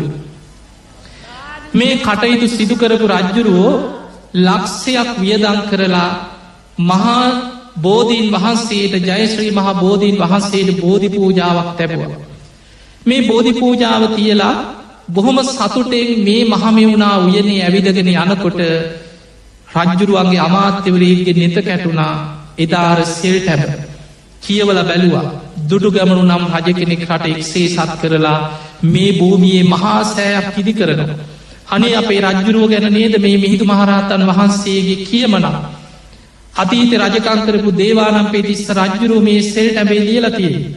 රජතුමා ඇවිල්ල බැලුව පුදුමාකාර සතුටක්. රජතුමා මේ තොරතුරු දැනගෙන එදා ගිහිල් අර රන් පත්තීරු හොයා ගත්තා. මේවත් කියවල බලනකොට මේ තොරතුර දැන් රජ්ජුරුවගේ හිතේ මැවෙන්නේ මේ මහා සෑය. එදා නිදාගන්න ගියාට දුටු ගැමන රජ්ජුරුවන්ට නින්ද යන්නේ නෑ හීනෙම් පවා මහා සෑය දකිනවා. කල්පනා කරා යුද්ධයක් කරලා අවසන් වනා විතරයි. මං කොහොමද මේසා විශාල චෛත්‍යයක් හදන්න. මේ මිනිස්සුන්ට කරදර කරන්නේ කොහොමද අය බදු අය කරන්න වෙයිද. මිනිස්සු ලව්ව ගඩොල් කප්පුවන්නේ කොහොමද. රජතුමා හිතන සිතුවිල්ල පවා දෙවියන්ට දැනෙනවා. රජ්ජුරුවන්ගේ සේසතට අරක් ගත්ත දිව්‍යාංගනාවක් ඒ සැනින් මේ පණවිඩේ අරගෙන ගියා සක්ක දෙවියන් ළඟට. එදා සක්ක දෙවියන් දේව සභාව රැස් කරලා දෙවිවරුන්ට කියනවා ලංකා භූමිය තුළ දුටු ගැමනු නම් රජ කෙනෙක් මහා සෑයක් ඉදි කරන්න සූදානන් වෙනවා. මේක බුද්ධ අධිෂ්ඨානය. ඒ නිසා අපි උදව් කළ යුතුයි. විශ්වකර්ම දෙවියන්ට පැවරුවා මේ මහා සෑයට අවශ්‍ය ගඩොල් රන්රිදී මුතුමැනික් සියල්ල මවන්න කියලා විශ්වකර්ම දෙවියන්ට තමයි පැවරු. පිංහතුනී මේ ගැන සඳහන් වෙනවා අනුරාධපුරේ උත්තුරු දිග ගම්බීර නදී අසල විශ්වකර්ම දෙවියම් මහ වනාන්තරයක් පිරෙන්න ගඩොල් මවනවා. උදේ වැද්දෙක් යනවා දඩේම ඒ වනාන්තරයට අධිකරූහිත දේවතාවක් කලකොෙක් වගේ වෙස්මවාගෙන වැද්ද ඉදිරියෙන් පෙනිල පැනලගිය. වැද්ද පන්නගෙන පන්නගෙන යනකොට දුවගෙන ගිය ගඩොල් ගොඩස්සට අතුරුදහන් වුණා. ඔහුට පෙන්නුව මේ ගඩොල් ගොඩට. මේ වැද්දට අදහගන්න පුළුවන්කමක් නෑ. ඇවිල්ල රජතුමාට කිව රජතුමා මහා සෑයක් හදන්න හිතන බව රටවැසියු සිහි කරනවා. මං අහල තිබුණන. අන්න මහ වනාන්තරයක් පිරෙන්න ගඩොල් රජ්ජරෝ ගිහින් බලල සාධකාරදීලා මේ ගඩල් ගොඩේ ආරක්ෂාවට පණවිඩේ කියපු පුද්ගලයම පත් කර ආරක්ෂා කරන්න. ඒවගේම ඊසාන දිග තුන් යොදුනක් දුර දොළොස්තිරියක් භූමියයේ වියතක් පමණ උසට මිනිස්සු කුඹුරුවලට යනකොට තියෙන්නේ ගොයන් නෙමේ රත්තරම් බීජ රත්තරං බීජ පොළොවෙන් මතු වෙලා තිබුණා මහා ආශ්චරයක් මේ රන්බීජ සියල්ල මේ මහා සෑයි වෙනුවෙන් රජ්ජුරු යොදාගත්තා. තඹවිට දනවයේ තඹ පහළ වුණා. වෙල්වලට යනකොට මිනිස්සු කුඹුරු කොටන්න අඟල් ගනන් පස් නෙමේ තියෙනෙ තඹ වෙල්වලින් පහළ වෙලා. දකුණු දිග යොදුම් අටක් ගිය තැන ලෙනක මිනිස්සු ගිහිල්ල බලනකොට ගල්ලෙන ඇතුළ පිරෙන්න්නම රිදී පහළ වෙලා. ඒවගේ මයි සමන් වැවගම ආශ්‍රිත කුරුවින්ද පාශාන කියල විශාල මැනික් වර්ග පොළොවෙන් පහළ වෙලා තිබුණ. උදේ මිනිස්සු මුහුදු යන්න යන පිරිස මුහුද අයිනට යනකොට මුහුදෙන් ගොඩ ගහල වෙරල දිගට මුත්තු මැනික් සක් සිලා වෙරළුමිනි ආදී මහා වටිනා මැනික් වර්ග මුහුදෙන් ගොඩ ගහලා. මේ සියල්ල මහාසෑ වෙනුවෙන්ම යොදාගත්තා. මිරිස් ගල්තරං විශාල මැනික් වර්ග හතරක් පොළොවෙන් පහළ වෙනවා. ඉතාම දීප්තියක් විහිදෙන චණ්ඩ කාන්ති පාශාන වගේ මේ මැනිකල් හතරෙන් තමයි මේ ධාතු ගර්භය හතරකුණ මුළු ධාතු ගර්භය මාලෝකමත් වෙලා තියෙන අදට. පිංහතුනේ එදා විශ්වකර්ම දෙවියන් ඇතුළු දිවිය පිරිස මේ විදිහට මේ මහාසෑයට අවශ්‍ය සියලු දේවල් නිර්මාණය කරලා පහල කරලා දෙද්දී. රජතුමාට දැන් චෛත්‍ය ඉදි කරන්න අවශ්‍ය උපකරන සියල්ල දැන් දෙවියන්ගේ දේවානු භාවයෙන් ලැබෙනවා. රජතුමා ආව මේ මහාසෑ ඉදිකරන භූමියට හැබැයි මේ මහාසෑ ඉදිකරන භූමියයේ විශාල රන්තෙලපු ගසා. රජතුමා මේ රට එක්සේ සත් කරපු රජ්ජුරු ආපු ගමන් ගහ කැපුවේ නෑ. රජ්ජුරෝ බැලුව මේ ගහට අධිග්‍රෝ හිත දෙවිවරු ඉන්නවද? බලනකොට දිව්‍යාංගනාවක් විමාන කරගත්ත ගහ. රජතුමා ඉල්ලීමක් කරා මේ විමානින් බැහැල යන්න. මං මෙතන මහාසෑයක් ඉදි කරනවා. දෙව්දුව කැමති වුණේ නෑ. දෙවනි වතාවට රජ්ජුරු ඉල්ලීමක් කරා මං මෙතන මහාසෑයක් ඉදි කරනවා. ඒ නිසා වෙනත් විමානිකට යන්න මට මේ ගහයිවත් කරන්න ඕන ඒත් කැමති වුණේ නෑ අවසානය රජතුමා කියනවත් දෙව්දුව ඔබ මේ මහාසෑය ඉදිකරන පින ඔබ අනුමෝදං වෙනෙන මේ තුන් ලෝකෙටම යහපත උදා කරපු බුදුරජාණන් වහන්සේ වෙනුවෙන් මේ මහාසෑ ඉදි කරන්න. ඔබ මේ විමානය අතහැරල ඒ පරිත්‍යාග කරන්න. එතකොට දෙව්දුව දිවිය සුරූපෙම පෙරීදල අහසීදන් කියනවා හරි රජතුමනේ මං මේ විමානය අතහැරල වෙන විමානයකට යනවා හැබැයි ඔබ මට එක පොරොන්දුවක් පෙර. මේ ඉදිකරන මහාසෑය මගේ නමෙන් හඳුන්වන්න. රජතුමා ඇහු මොකක්ද දෙව්දුවබේ නම මම තමයිකිව ස්වරණමාලි දෙව්දුව. රජතුමා සාධකාරදී ලකිව එහෙමනං මේ භූමිය ඉදිකරන චෛත්‍යය ස්වර්ණමාලි මහාසෑය බවට පත්වෙනවා කියලා. දෙව්දුව සාධකාරදිදී රන් තෙලබු කසින් විමානින් බැසගියා මේ මහාසෑය ඉදි කරන්න. පිංහතුනිය ඔය විදිහට තමයි එදා දුටුගැමුණු රජ්ජුරුවෝ රන් තෙලබු ගහ ඉවත් කරලා. මේ මහාසෑ ඉදි කරන්න පසුබිම සකස් කර. මේ චෛත්‍ය ඉදිවන භූමියයේ පිහිටි සෙල් ටැබ ඉවත් කරලා උත්තුරු දොරටුව අභියස පිහිටෙව්වා. එදා මේ විදිහට පොළොව සකස් කරන්න කටයුතු සියල්ල දැන් සංවිධානය කරලා ඉවස ඉවරල. මහරහතන් වහන්සේලා එකතු කරා ලක්ස ගනම් මහරහතන් වහන්සේලා මේ භූමියයට රැස් කරලා. උන්වහන්සේලාට දැනුන් දුන්න ස්වාමීනී වෙසක් පුන් පොහෝ දවසී සුදුස්සු මොහොතක මේ මහාසෑ ඉදිකරන්න කටයුතු සූදානන් කරන. එදා මහරහතන් වහන්සේලා කියනව රජතුමනේ මේ මහාසෑ ඉදිකිරීමට වෙනම මොහොතක් තියෙනවා. ඒ තමයි වෙසක්පුන් බොහෝ දවසේ වීසා කියන නැකත. වෙසක්පුන් බොහෝ දවසට යෙදෙන වීසා නැකතින් මහාසෑ ඉදිකරන්න පොළොව සකස් කරන්න ආරම්භ කරන.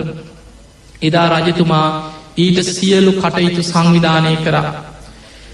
එදා මේ පුුණ්්‍ය භූමියයේ එදා මේ චෛත්‍යය ඉදි කරන්න සූදානන් වෙන වෙලාව. මහරහතන් වහන්සේලා එකතු වෙලා මේ ලංකා භූමිය පුරාම වැඩහිටිය මහරහතුන් ලක්ස ගනම් මේ භූමියයට වැඩම කර. පිංහතුනී තූප වන්සේ මහාවන්සේ සඳහන් වෙනවා කෝටි ගණනක් මහරහතන් වහන්සේලාගේ මේ භූමිය මහරහතුන්ගෙන් පිරිලා ඉතිරිලා ගියා. එදා මේ චෛත්‍යයට මුල්ගල තබන දවසිදි. පොළොව සකස් කරන දවසේ වැඩම කරපු මහරහතන් වහන්සේලා ප්‍රමාණය ගැන මංගොබට පුංචි සඳහනක් කරන්න.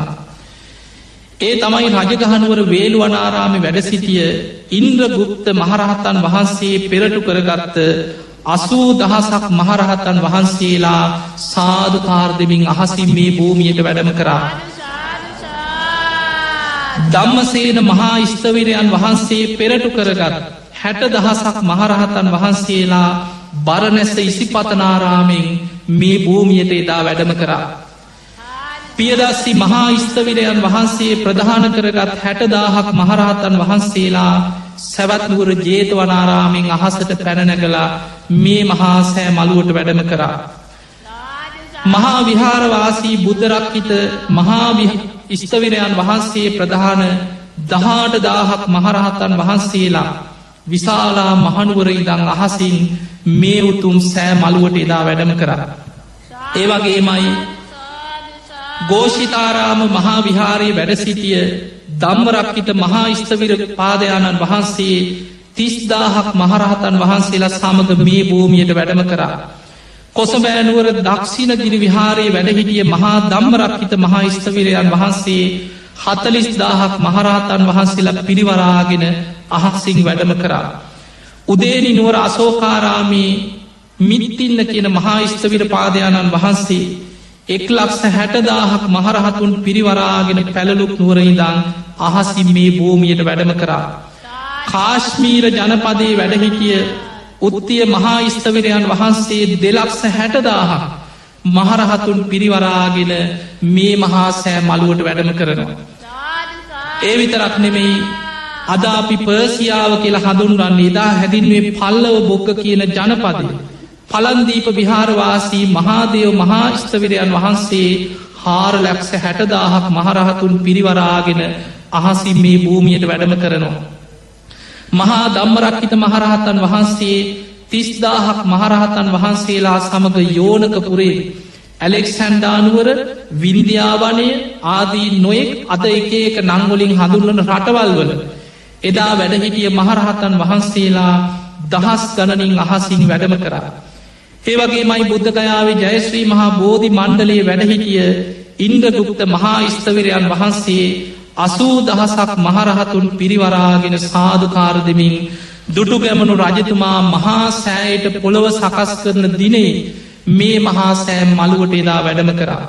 මේ විදිහට වැඩම කරපු මහා සංගරත්නයට මේ භූමියේ ඉඩකඩ සැකසුනේ මහරහතන් වහන්සේලාගේ ඉරදි බලයෙන් කියල සඳහන් වෙන. කෝටි ගණනක් මහරහතුන්ගේ මේ භූමියත් පරිසරයත් අහස්කුසත් පිරිලයිතිරලා ගියා. බෝමාටු දෙවියන්ගේ පටන් අකනිටා බඹලව දක්වා දෙව් බමුණු සාධකාර දෙරිදී දුටු ගැමුණු රජතුමා මේ මහා සෑය ඉදි කරන්න පොළොව සකස් කරන්න කටයුතු සූදානන් කරනවා. හැබැයි පින්වතුනි රජ්ජුරෝ බලාපොරොත්තුනේ මීට වඩා විශාල චෛත්‍යයක් ඉදි කරන්න. හැබැයි පොළොව හදන්න සූදානන් වෙන වෙලාවේ ඉදිරිපත් වනා සිද්ධාර්ථ කියන ඉරදි බල සම්පන්න මහරහතන් වහන්සේ. උන්වහන්සේ කියනව රජතුමනී ඔබ ඔය තරම් විශාල චෛත්‍යයක් ඉදිකරන්න හැදුව ඔබේ ජීවිත කාලය අවසන් වෙන්න පෙර මේ චෛත්‍යයේ වැඩ භාගයක්කත් කරගන්න ලැබෙන්නේ. ඒ වගේම අනාගතයේ මේ චෛත්‍ය ස්භාවික විපත්වලින් උපන්ද්‍රවලින් ආරක්ෂා කරගන්න බැරිවෙන.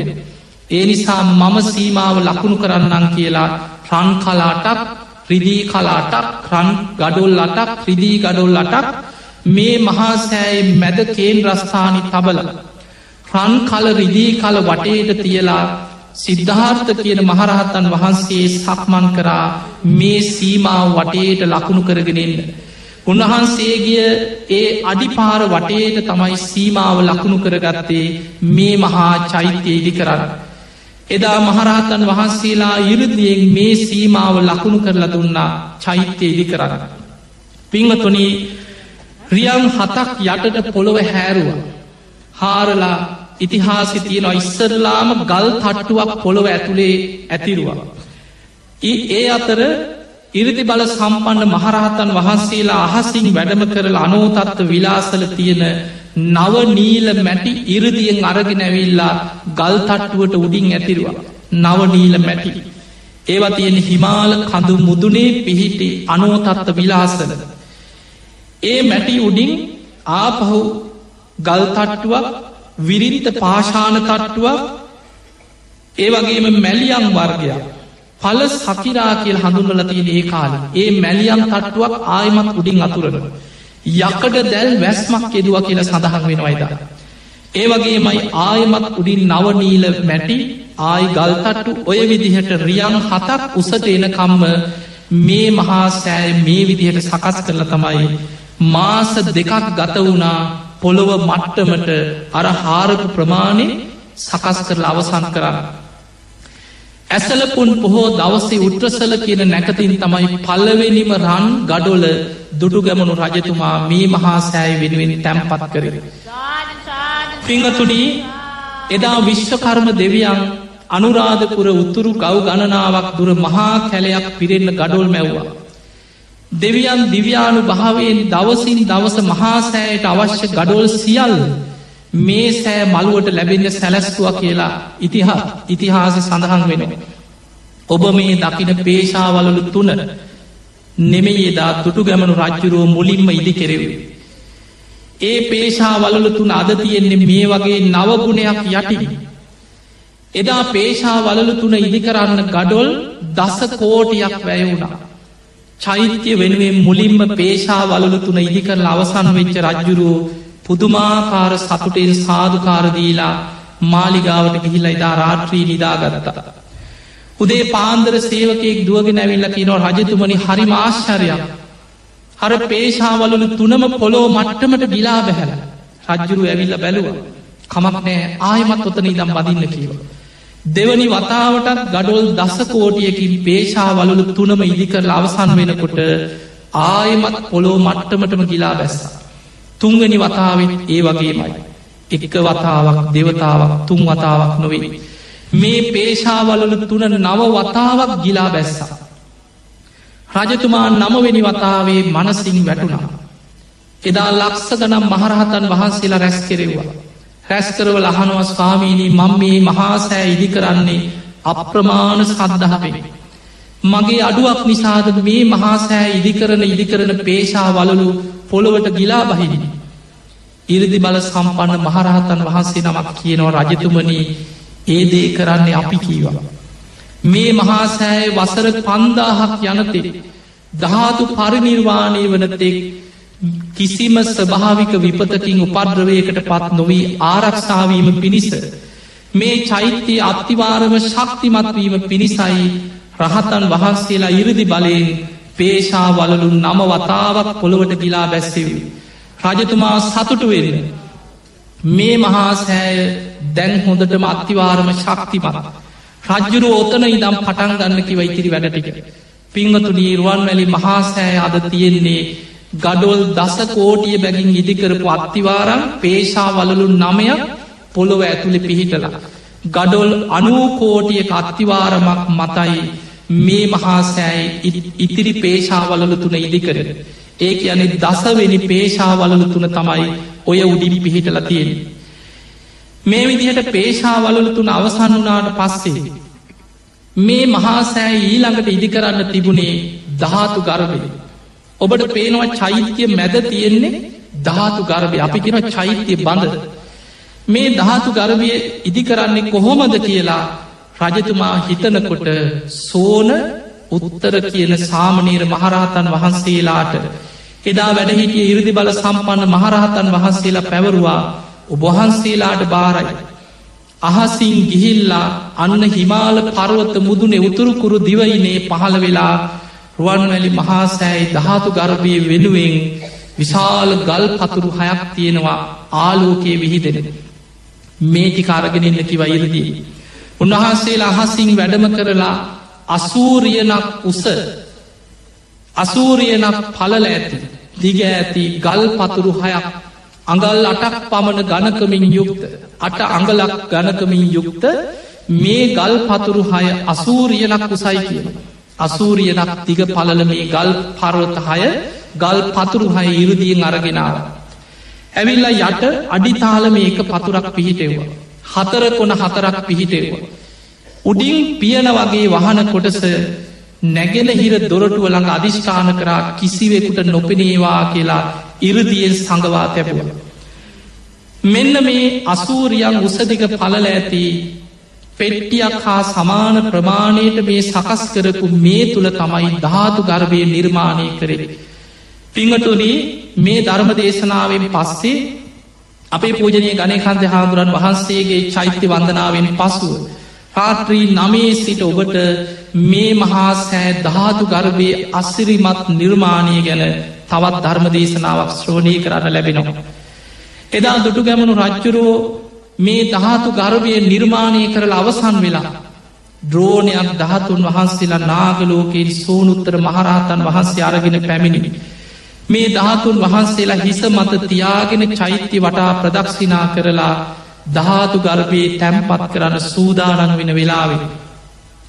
රජතුමාගේ හිසෙන් අහසට පැනනැග දහතුන් වහන්සේලා කරනුව අහස විවෘත වුණා. ද්‍රෝණයක් ධාතුන් වහන්සේ අහසට පැනනැගලා බුදුරුව මවාගරතා. ඒක බුද්ධ අධිෂ්ඨාන අතර මහා අධිෂ්ඨාන පහින් පස්වෙනි අධිෂ්ඨානය හැටියට මහා පරිනිබ්බහන අට්ට කතාව සඳහන් වෙනවා. අපේ බුදුරජාණන් වහන්සේ පිරිනිවන් මංචකයේ වැඩ සිටිද්දිම කරපු අධිෂ්ඨානයක් ද්‍රෝණයක් දහතුන් වහන්සේලා ලංකා භූමියයේ දුටු ගැමණු නම් රජ කෙනෙක් මහා සෑයක් ඉදි කරලා මහා සෑ ධාතු ගර්භයේ තැම්පත් කරන්න සූදානන් වෙන මොහොතේ මේ දහතුන් වහන්සේ අහසට පැනනැගලා බුදුරුව මවාගෙන යමා මහ පෙළහර පෑමක් සිදුවේවාකින් අධිෂ්ඨාන.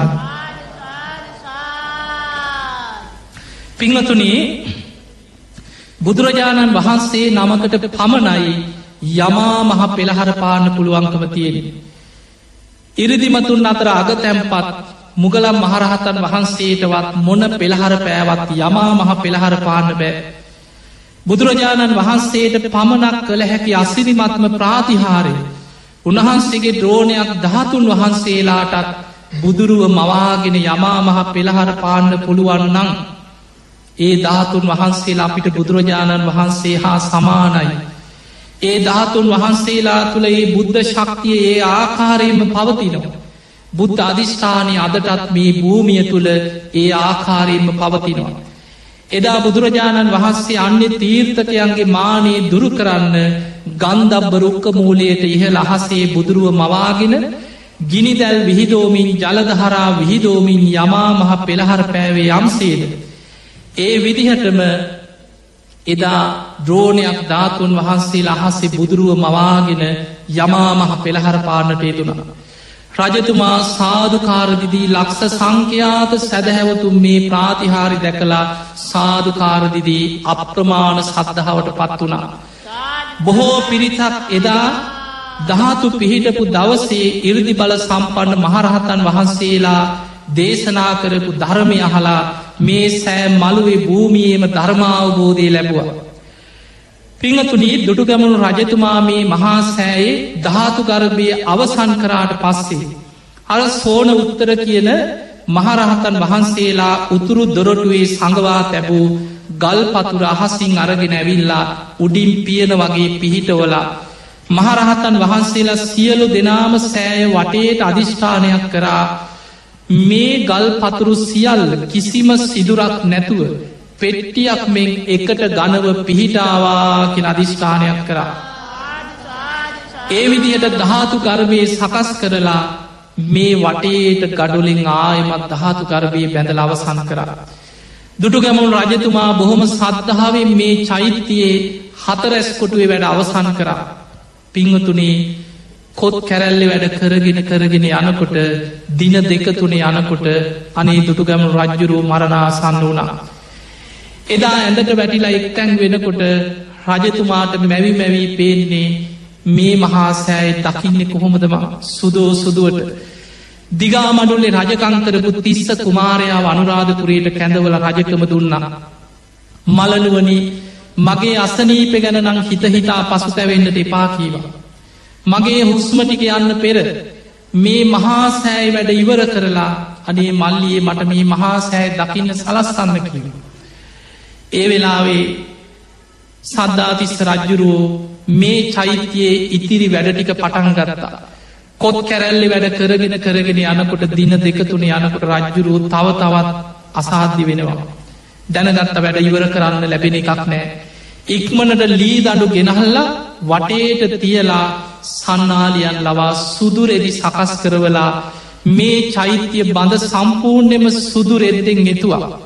ඒ වගේම උඩ කොත් කැරැල්ල සුදුරෙදි යොතලා සුදෝ සුදුවට සකස් කරලා දුඩු ගැමුන් රජ්ජුරුව ළඟට ගිහිල්ලා කියනවා අයියන්ඩිය මහා සෑය වැඩ අවසානයි කිව. රජ්ජුරුවෝ සාධකාරදීලා කිව් අනේ මා උස්සගෙන පලයල්ල මහා සෑ ළඟට ඇද පිටිම්ම උස්සගත් අමාත්‍යවරු පිරිස. රජතුමා උස්සගෙන එනකොට මහා සෑ ඇතට සුදෝ සුදුවට බැබලෙනකොට දුටු ගැමනු රජ්ජුරුවෝ සාධකාරදිදී මහා සෑයට බුදුගුණ කිය කිය වන්දනා කරනවා. සෑ මළුවට එක්කරගෙන නාවට පස්සෙ කියනවා අනේ මාව ප්‍රදක්ෂිනා කරවන්න. චෛත්‍ය වටේට ඇඳ පිටිම්ම උස්සගෙන දුටු ගැමනු රජ්ජුරුවන්ව සෑ මළුවේ ප්‍රදක්ෂිනා කෙරෙව්වා. මළුවේ කෙලවරකින් තැම්පත් කරාට පස්සේ ඇඳ පිටිම්ම එක පැත්තකට හැරෙනකොට රජ්ජුරුවට පේනවා නවමහල් ප්‍රාසාදය. සංඝයාට හදල පූජ කරපු නවමහල් ප්‍රාසාද සාධකාරදීල සතුට වුණා. අමාත්‍යවරයෙක් දුවගෙන දුවගෙන ගිහිල්ල රජ්ජුරුවන්ගේ පිම්පොත අරගෙනාව. රජතුමාලාග වාඩි වෙලා පිටුවෙන් පිටුව පෙරල පෙරල කරපු පින්කං එකින් එක සිහිකර කර දුන්නා. රජතුමාට පින්කන් සිහිකරනකොට දහස් ගනන් මහරහතන් වහන්සේලා අහසින් සෑමලුවට වැඩම කරා දෙවියනුත් අහසෙ පිරිලා ඉතිරිලා ගිය. මහරහතන් වහන්සේලා පිරිත් කියනවා. ඉදිරියෙන්ම වැඩඉන්නේ රජ්ජුරුවන්ට මේ රට එක්සේ සත් කරන්න උදව්පකාර කරලා දස මහා යෝධයෝ අතර එදා පැවිදි වෙලා රහත් වෙච්ච තේර පුත්තාබේ මහරහතන් වහන්සේ. ඇතුළු මහරහතන් වහන්සේලා පිරිත් කියනවා. රජතුමා සාධකාරදිදී මහාසෑ දෙස බලාගෙන පිරිත් අහනව. හැබැයි රජ්ජුරුවන්ට අහස ඉදන් දෙවියන් අඩගහනව. දිවිය රත හයක් අහසේ මැවිලා රජතුමා එන්න අපේ දිවිය ලෝකෙට. තවතිසා දෙවියන් කියන අනේ රජ්ජුරුවෙන් අපේ දිවිය ලෝකෙට. යාම දෙවියන් අඩගහනු අනේ රජ්ජුරුවෙන් අපි ළඟට. තුසිත දෙවිවරු දන්නවා මේ බෝසතාණන් වහන්සේ මහා පින්වන්ත බෝධි සත්වයොත් තුසිත දෙව්ලොවට එනවා. එන්න අපි ළඟට කියලා අඩගහන. මෙහෙම දෙවියන් අඩගහද්දි රජ්ජුරුව මෙහි පිරිත් අහන. මහා සංගරත්නයට අගෞරවයක් වෙයි කියලා හිතපු රජ්ජුරුව ඇදේ දම් අතවැනවා චුට්ටක් ඉන්න දෙවියන. මට පිරිට්ටි අහන්න දෙන්න කියලා අතින් සංඥාවක් කර. ඒ වෙලාවේ බලාගෙන හිටිය වටේ ඉන්න මිනිස්සුන්ට දෙවියම් පේන්න නෑ. ඉරදි බල සම්පන්න මහරහතන් වහන්සේලාටත් රජ්ජුරුවන්ටත් විතරයි දෙවියම් පේන්නේ. හැබැයි සමහරයට සැක ඇති වුණා අනේ මේ තරම් පින්කරපු රජ්ජුරුව මරණ මංචකයේ සිහිමුලා වුණාදු එතන වැඩහිටිය තේරපුත්තාබේ මහරහතන් වහන්සේ සැනින් මල්මාලා හයක් ඉල්ලගෙන අධිෂ්ඨානයක් කරා මේ මල්මාලා දිවිය රතවල දැවටේවා කියලා අහසට විසි කෙරෙවා. එදා මල්මාලා හය අහසට පැන නැගලා දිවිය රත හයේ දැවටුනාමී සෑ මළුවට ඉහළ අහසේ. මිනිස්සුන්ට දැන් අහස දිහා බලනකට දෙවියම් පේෙන්න්නෙත් නෑ දිවිය රත පේෙන්න්නෙත් නෑ අහස එල්ලිලා තියෙන මල්මාලාටික දකිනවා. සියලු දෙනා සාධකාර දුන්නා අනේ අපේ රජ්ජුරුව එක් යන්න දෙවිවරු ඇවිල්ලා කියලා. එදා දුටුගැමුණු රජ්ජුරුව පිරිත් අහල අවසන් වෙලා තේරපුත්තාබේ මහරහතන් වහන්සේගෙන් විමසනවා ස්වාමීනී මෛත්‍රී බෝසතාණන් වහන්සේ වැඩඉන්න මොන දෙව්ලොවට රජතුමනි මෛත්‍රී බෝසතාණන් වහන්සේ දැන තුසිත දෙව්ලෝ වැඩඉන්නවා. එහෙම නම් මමත් තුසිත දෙව්ලෝම උපදිනවා කියල සාධකාරදීලා ඇස්තියාගත්තා. නින්දෙම් පිබිදිය වගේ තුසිත දිවියලෝකෙන් ආපු දිවිය රතේ දුටු ගැමුණු දෙවියන් හැටියටම මේ සෑ මළුවේ පහළ වුණා. එදා දුටු ගැමනු රජ්ජුරුව ගැන තූපවන්සේ මහාවන්සේ ආදී ඉතිහාස පොත්තුල සඳහන් වෙනවා දුටු ගැමනු රජතුම අහසේ දිවිය සුරූපෙන් ඒ මොහොතෙම පෙනීන්නවා.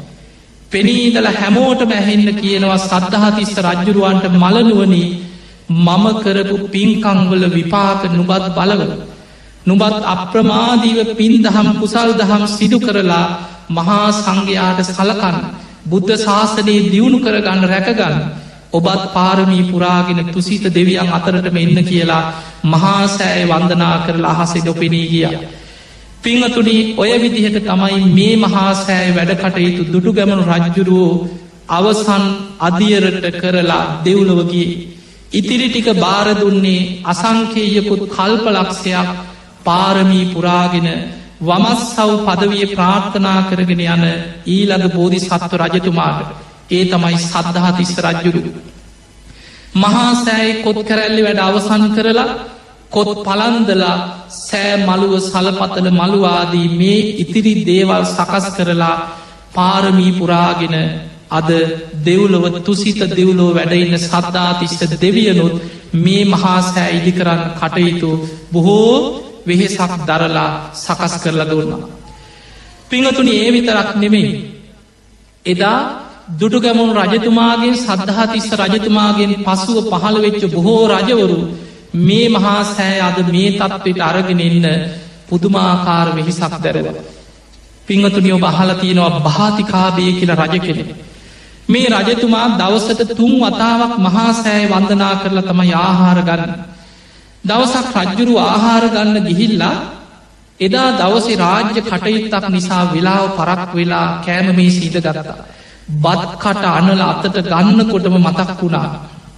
කටළඟට අරගෙන ආපහු ඇහුවා අදමම් මගේ මුත්තනුවන්ට වන්දනා කරාද. අමාත්‍යවරේ කියන රජතුමාට අමතක වුණා නේද කටට ගත්ත බත් පිඩ පිගානට දාලා ඉක්මනට ආවේ මහා සෑ මළුවට. මුත්තනුවන් කියලා අතීත රජවරු හැඳින්ලුවේ මේ මහා සෑය. පිංහතුනි එදා මේ මහා සෑ මළුවට එනකොට රෑබෝ වෙලා මළුවේ කරුවල වැටිලා ආරක්ෂකය දුරටු ඇරලා රජ්ජුරුවන්ට වන්දනා කරන්න අවස්ථාව දෙනවා. රජතුමා මහාසෑය වඳනකොට එක පැත්තකින් ඇහෙනවා පිරිත් හඬ. රජ්ජුරුව ඒ පැත්තට යනකොට අනි පැත්තෙන් පිරිත් හඬ ඇහෙන.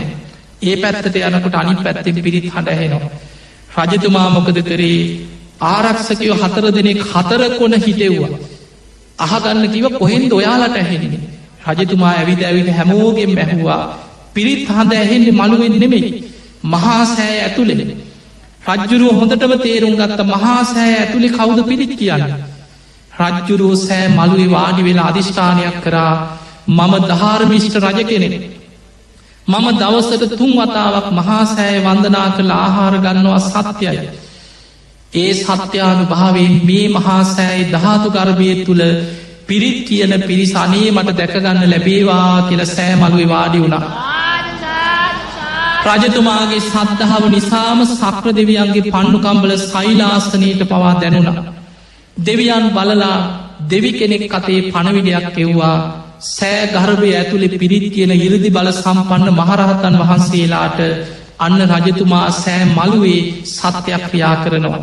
ඉරදි බල සම්පන්න රහතන් වහන්සේ නමකට පුළුවන්නම් තමන්ගේ ඉරදියේ රජතුමාස් ධාතු ගර්භය ඇතුළට අරංගිහි වන්දනා කරවන්න. ඉරදි බල සම්පන්න මහරහතන් වහන්සේ නමක් ධාතු ගර්භයෙන් එල්ලියට ඉරදියෙන් වැඩිය. රජ්ජුරුවන් අතින් අල්ලගෙන ධාතු ගර්භය ඇතුළට ඉරදියෙන් අරගෙන ගිය.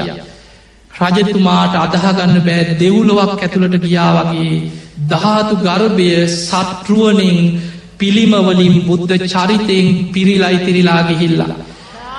මේ ධාතු ගර්භය තුළ රියන් දහාටක් උස රියන් දහාට බැගින් අතු විහිදී ගිය බෝධීන් වහන්සේ නමක් සටරුවනින් තියෙනවා. බුදුරුවක් වැඩඉන්නවා බුද්ධරශ්මි විහිදෝමිනි. ද්‍රෝණයක් දහතුන් වහන්සේලා පිරිනිවන් මංචකේ වගේ පිරිනිවන් පෑ ස්වරූපෙන් වැඩඉන්නවා. පිළිමවලින් පිරිලා ඉතිරිලා. පිරිත් අහල අවසන් වෙලා ඉරදි බල සම්පන්න මහරහතන් වහන්සේ රජ්ජුරුවන්ව මළුවට ගෙනත් ඇරල්ල අහසිම්ම වැඩම කරා. පහුවදා රජ්ජුරුව ගිහිල්ල මේවා කියනවා කියනවා කියනවා කාටවත් තේරෙන්නේ. රජ්ජුරෝ ඒ විතරක් නෙමෙයි මහරහතන් වහන්සේලා රැස් කෙරෙව්වා. එදා ලොවා මහාපායට රැස් කරලා දහස් ගණන් රහතුන් ඉදිරියේ. මම මෙහෙම දැක්ක මෙහෙම දැක්ක කිය කිය කියන්න ගත්ත පැය ගණන් ගෙවිලා යනවා දහතු කර්ම වරණාව. රජ්ජුරුව දැකපු දේවල් කියල අවසං කරගන්න බෑ. රජ්ජුරුව කල්පනා කරා කමක් නෑ. මට පුළුවන් හැටියට මන් රන්කරුවන් ලවා මේක කෙටියෙන් හරි පුළුවන් විදිහට නිර්මාණයක් කරනවා කියලා. තමන්ගේ ගබඩාවෙ තිබ රන්රිජී මුතුමැනික් යොදවලා රුවන්වැලි මහා සෑය තුළ දහතු ගරබයේ තමන් දැක්ක සැලැස්ම සටරුවනින් සකස් කරලා ලංකා භූමිය පුරාම අඩබෙරක හලා මිනිස්සුන්ට වන්දනා කරන්න සැලැස්ව කියල සඳහන් වෙනවා. ධාතු ගර්බෙන් නිර්මාණයක් හදල. ඒ තමයි පහතිකාව රජ්ජුරු. රජ්ජුරුවෝ සාමාන්‍ය පූජාවක් නෙමෙයි මේ මහාසෑයට කරේ. ඒ පූජාව ගැන අහනකොට අදටත් අපිට හිතාගන්න බෑ මේ ලංකාව හිටපු අතීත රජවරු මොනතරන් සද්ධහවන්තද. රටේ හැම ගමක්ම හැම ප්‍රදේශයක්ම රජ්ජුරුව මල් වගා කරන්න අමාත්‍යවරුන්ට පැවරුවා. සමන් පිච්චමල් දෑ සමන් නාදී මල්වර්ග රටේම වගා කෙරෙවා. එකම දවසක කරත්ත යවල රජ්ජුරූ මුළු ලංකාභූමිය පුරාම මල් නෙලාගෙන මේ මහාසෑ මළුවට ගෙනල්ලා සෑය මල් ඔටුන්නක් වගේ ඉහලට යනකම්ම මල්වලින් සෑය වහල දැරවා. හිතන්න පින්වතුනි මේ මහා සෑය මල්වලින්ම වහල පූජා පවත්වනවා කියන්න ඔබට හිතාගන්න පුළුවන්ද. මේ මහා සෑය මලින් වහල පූජා කරපු ඒ භාතිකාවේ රජතුමා අදටත් දෙව්ලොවයි නම් සාධකාරදිදී මේ පින සිහි කරනවා ඇති. දින හතක් පුරා මහා සෑයට මේ මල් පූජා කරද්දී බසවක් කුළම වැවෙන් වතුර ඇදලා යන්ත්‍රයක් හදලා යන්ත්‍රානුසාරයෙන් දින හතේම මහාසෑයට වතුර ඉසිමින් පූජා පැවැත්තුව කියන. ඒ විදිහට තමයි අතීත රජවරු මහාසෑයට පූජා කරේ. පිංහතුනේ දුටු ගැමනු රජ්ජුරුවෝ කීප වතාවක් බුද්ධ ශාසනයට මහාසෑයට මේ ලංකා රාජ්‍යම පූජා කරලා තියෙනවා. අතීත රජවරු මේ ලංකා භූමියම මහාසෑයට පූජා කරා. වර්තමාන රජවරුන්ටත් ඕක හොඳට තේරුම් ගන්න අවස්ථාව. අපි ඉන්න බුද්ධ ශාසනයකට පූජා කරපු රටක් මේ පාලනය කරන්න. ඒ නිසා මේ රට ජයශ්‍රී මහා බෝධීන් වහන්සේට රුවන්වැලි මහාසෑයට පූජා කරපු රටක්. ඒ නිසා පිංවතුනී මේ මහාසෑ මළුවාද ලක්ස ගනන් සැදැහැවතුන්ගේ පිරීතිරී ගිහිල්ලා. ලක්ස ගනන් දෙව් මමුන් අහසෙ පිරීතිරී සාධකාරදිදී බණහන මොහොතේ අපි සියලු දෙනා මේ රැස් කරගස් සියලුපින් සියලු දෙවියන්ටත් අනුමෝදන් කරමු. දෙවියෝ සාධකාරදිදී මේ පින් අනුමෝදන් වෙනිවා සියලු දෙවියෝතුම් නිවනටම පත්වේවා කියල සාධකාරදීල දෙවියන්ට පින් දෙෙන සියලුත් දෙව්මමුන් සාධකාර නගමෙන් මේ මහාසෑයේ ධාතු කරවය ගැන ශ්‍රවණය කරමින් හිත් පහදවන්නට මේ මහාම් සෑම් මළුවේ අහස්කුස දෙව්බමුන්ගෙන් පිති පිරීතිරී සියලු දෙවියන් සුවද මල් දිවිය මල් මදාරාමල් ආදී පූජාවන් රැගෙන මේ පිම්බිමට පැමිණෙත්වා වැඩම කරත්වා කියලපි ආරාධනා කරව. ඒවගේමයි පිංහතුනී දෙදස් පහළවේ හතරවෙනි මාසය අටවෙනි දද වගේ දවසක මීට වස්තර දෙහකට පෙර අපගේ අතිපූජනීය මහනායක ස්වාමීන් වහන්සේ වන අස්කිරි මහනායක උඩුගම ශ්‍රී බුද්ධරක්කිත මහනායක ස්වාමීන් වහන්සේ අපවත්වී වදාලා උන්වහන්සේ අපත් වෙලා අවුරුදු දෙකක් පිරෙන අද වගේ දවස්සේ අපි උන්වහන්සේටත් සාධකාරදිදී මේ පිම්බිමට පැමිණිලා මේ පින් අනුමෝදන් වෙන්න වැඩම කරත්වා කියලා ආරාධනා කරනවා. ඒවගේ මයි ශ්‍රී ලංකාමරපුර නිකායේ උත්තරීතර මහානායක වැඩසිටි මහා බුද්ධි සාගරයක් වගේ නිහඬව වැඩසිට මීට දෙන කීපයකට පෙර අපවත්වී වදාළ දවල් දෙන ශ්‍රී ඥානිස්තර මහනායක ස්වාමීන් වහන්සේත් සාධකාරදිදී මේ සෑමල්ුවට පැමිණෙත්වා වැඩම කරත්තා මේ ධර්මය ශ්‍රවණය කරමින් ඒවගේම මේ ශාස්තනයේ බබලවලා අද දෙව්ලෝ වැඩ ඉන්න මහා සඟරුවන්ද සාධකාරදිමින් මේ පිම්බිමට පැමිණෙත්වා වැඩම කරත්වා කියලපි ආරාධනා කරනවා. පිංහතුනී දුටුගැමුණු රජතුමා මේ මහා චෛත්‍යරාජාණන් වහන්සේ ඉදි කරලා. මේ මහා සෑයි ධාතු ගර්භය නිර්මාණය කරද්දී අපි මුලින් ධර්ම දේශනාව සඳහන් කරා වගේ රජතුමාගේ රාජමය පුුණ්‍යානු භාව බලයක් අසංකයකුත් කල්පලක්ෂයක් පුරා සසර සිදුකරපු පාරමී ශක්තිය. සියලු දෙව් බමුන්ගේ දිවියම ඉරදිමය උපකාර. ඒවගේම මහරහතන් වහන්සේලාගේ ඒ උතුම් ආශිර්වාදය එදා වැඩ හිටිය ඉන්ද්‍ර ගුප්ත කියන මහරහතන් වහන්සේලාගේ ආශිර්වාද ඒ වගේම අපගේ බුදුරජාණන් වහන්සේ පිරිනිවන් පාන්න පෙර උන්වහන්සේගේ ද්‍රෝණයක් දහතුන් වහන්සේලා බුද්ධරශ්මි විහිදෝමින් එදා මේ පිම්බිමේ යමාමහ පෙළහර පාමින් පිහිටන වග දේශනා කරපු දේශනා. මේ සියල් අධ්‍යයනය කරගෙන යනකොට අද තුන් ලෝකෙම තියෙන පූජනීයම පුුණ්‍යභූමිය තමයි මේ ස්වර්ණමාලී චෛත්‍යරාජාණන් වහන්සේ. පිංහතුනේ අපේ බෝසතාණන් වහන්සේ සට් අසංකේය කල්ප ලක්ෂයක්ම මනසෙන් බුදු බව ප්‍රාර්ථනා කර කර මනෝප්‍ර නිධානී පුරාගෙනාපු කෙනෙ. නවා සංකීය කල්ප ලක්ෂයක් වචනයෙන් බුදු බව ප්‍රාර්ථනා කර කර වාප්‍ර නිධානී දා පුරාගත්තා. දීපංකර පාදමූලේ සුමේද තාපසයන් වහන්සේ හැටියට නියත විවරණ ලැබූ දවසේ සිට සාරා සංකීය කල්ප ලක්ෂයක් දාන සීල නයිස්ක්‍රම්ය ප්‍රඥාවීරිය කන්ති සච්ච අධිට්ඨාන මෛත්‍රී උපේකා කියන මේ දස පාරමිතාවන් පාරමී උපපාරමී පරමත්ත පාරමී හැටියට සම්පූර්ණ කරලා එදා විස්සන්තර ආත්මෙන. දන් දෙනකොට මේ දෙන දානමී පින් මට ලෝතුරා බුද්ධත්වයටම උපකාර වේවා කියන චේතනාවට තමන්ගේ අමුදරුව පවා රාජ්‍ය පවා අතහැර හැර දන් දෙනකොට මහපොලෝ පවා හත්වාරයක් කම්පාවට පත් වුණා. මේ විදිහට තමයි පාරමී පුරාගෙනාපු අපේ බෝසතාණන් වහන්සේ දෙවියන්ගේ ආරාධනය මත තුසිත දෙව්ලොවින් චුත වෙලා පින්වන්ත මහාමායාදේවී කුස පිළිසිඳගෙන. වෙසක් පුන් පොහෝ දවසේ දස දහසක් ලෝක ධාතුූ මාලෝකමත් කරමින් පුංචි බෝසත් පුතා ලෝකෙට බිහිවෙන. උතුරු දිසාවට පියවර හතක් ගමන් කරලා සිංහනාද කර අක්ගෝ හමස්මි ලෝකස්ස ජෙට්ටෝ හමස්මි ලෝකස්ස සෙට්ටෝ හමස්මි ලෝකස්ස අයමන්තිමා ජාති නත්තිදානි පුනක් බව. මේ විදිහට සිංහනාද කරමින් ලෝකෙ පහළ වෙලා අවුරුදු විසි නමයක් ගිහි ජීවිතය ගත කරලා අභිනිස්ක්‍රමණය කරපු දවසේ මේ ලෝකෙ මනුස්සයෝ ඒ තරන්න නොදැන ගත්තට දෙව් බමුන් අහස්සි පිරිලා ඉතිරිලා සාධකාර දෙනවා. මහා වීරයන් වහන්සේ කෙලෙස් සටනට පිටත් වනා කියල. එදා අනෝමා නදී අසලදි කෙස් සැටිය කපල අතට අරගෙන සත්‍යයක් ක්‍රියාවක් කරා මට ඒ කාන්තෙන් ලෝතුරා බුද්ධත්වය ලැබේද. මේ කෙස් පොළොවට නොවැටේවා අහසේම රැදේවා කි අධිෂ්ඨානය කරා.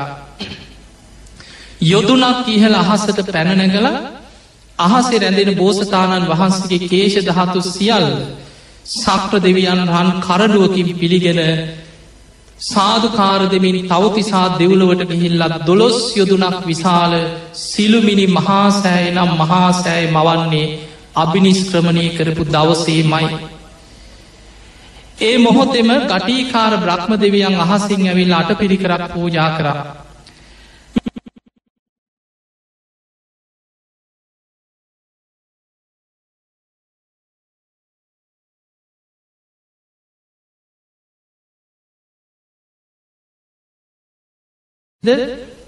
මේ ගිහි වස්ත්‍ර පොළොවට නොවැටේවා අහසීම රැඳේවා කියෙන අධිෂ්ඨානය.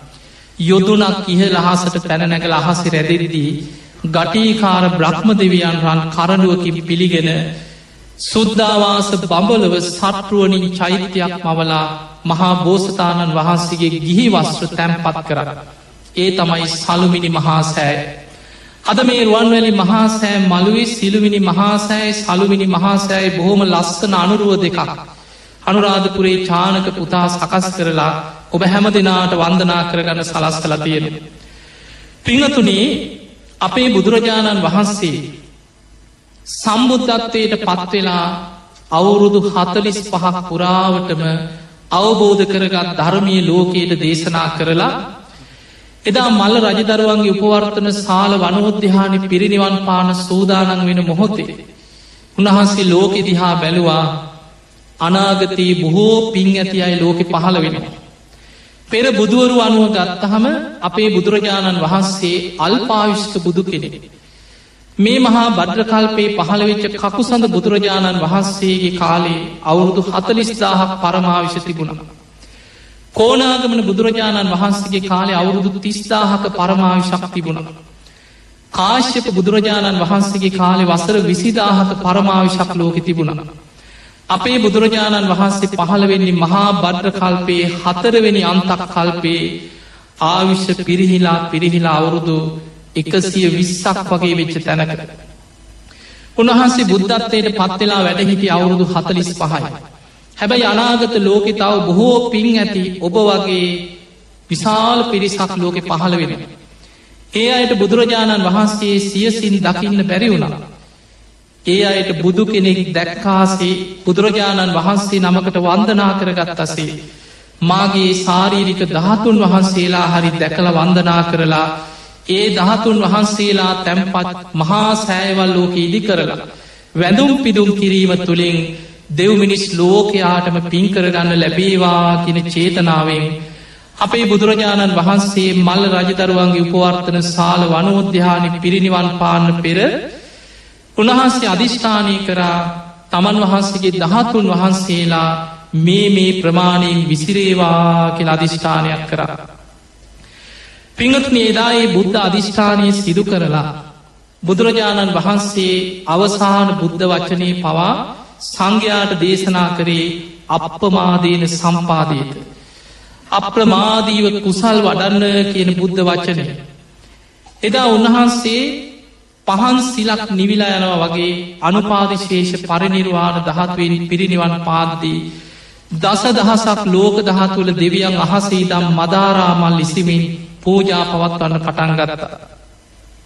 දින හතක් පුරා ශ්‍රීදේහේ මහජන ප්‍රදර්ශනයට තබල පෙර සක්විති රජවරු බුදුවරු ආදාහනී කරන විදිහටම අලුස් සිවුරු පන්සීයකින් කපපොළුම් පටල පන්සීයකින් ශ්‍රීදේහේ ඔතලා රන් දෙනක තැම්පත් කරලා සඳුන් චිතකයක් තුළ ආදාහනී කරන්න සූදානන් වුණා.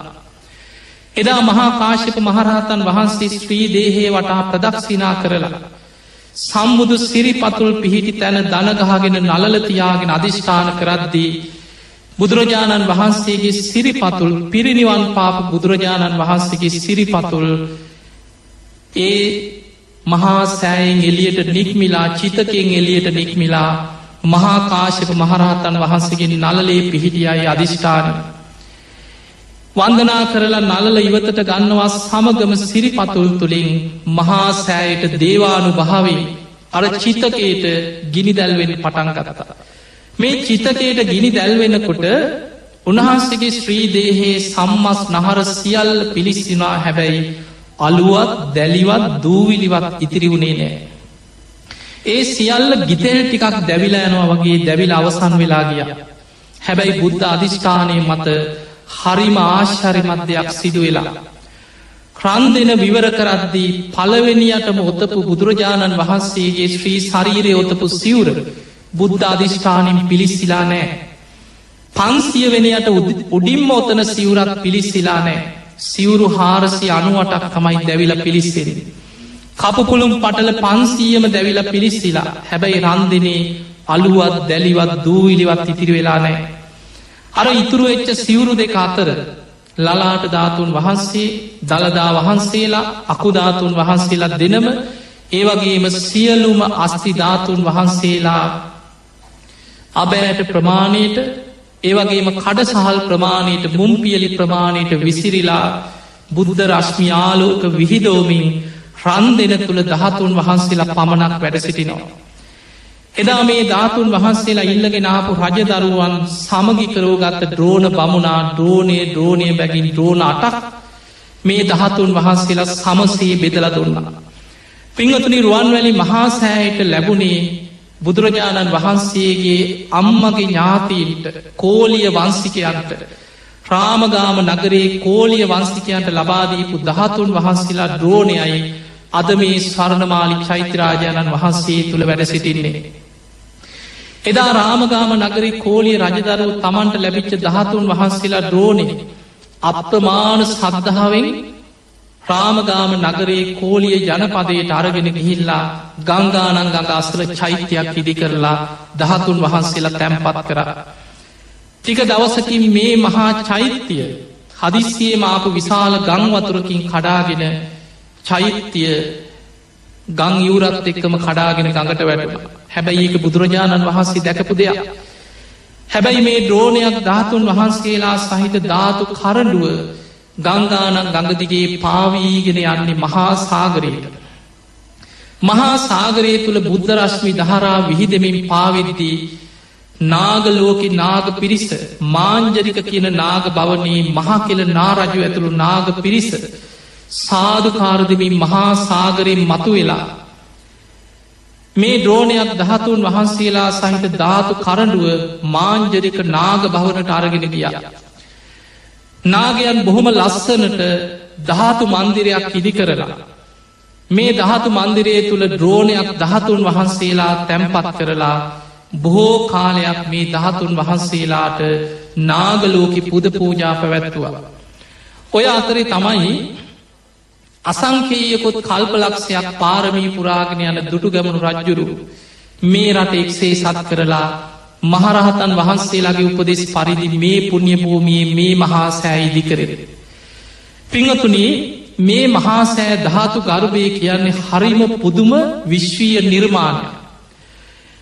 පිංහතුනි මේ මහා ධාතු ගර්භය නිර්මාණය කරද්දී උත්තර සුමන කියන මහා ඉරදි බල සම්පන්න මහරහතන් වහන්සේලා දෙනම එදා මහරහතන් වහන්සේලා රැස් කරලා උන්වහන්සේලාට පැවරුවා ඔබහන්සේලා අහසින් ගිහිල්ලා හිමාල කඳු මුදුනේ උතුරුකුරු දිවයිනේ මේක වරණ පාශානහයක් මේ මහා සෑය වෙනුවෙන් පහළ වෙලා තියෙනවා.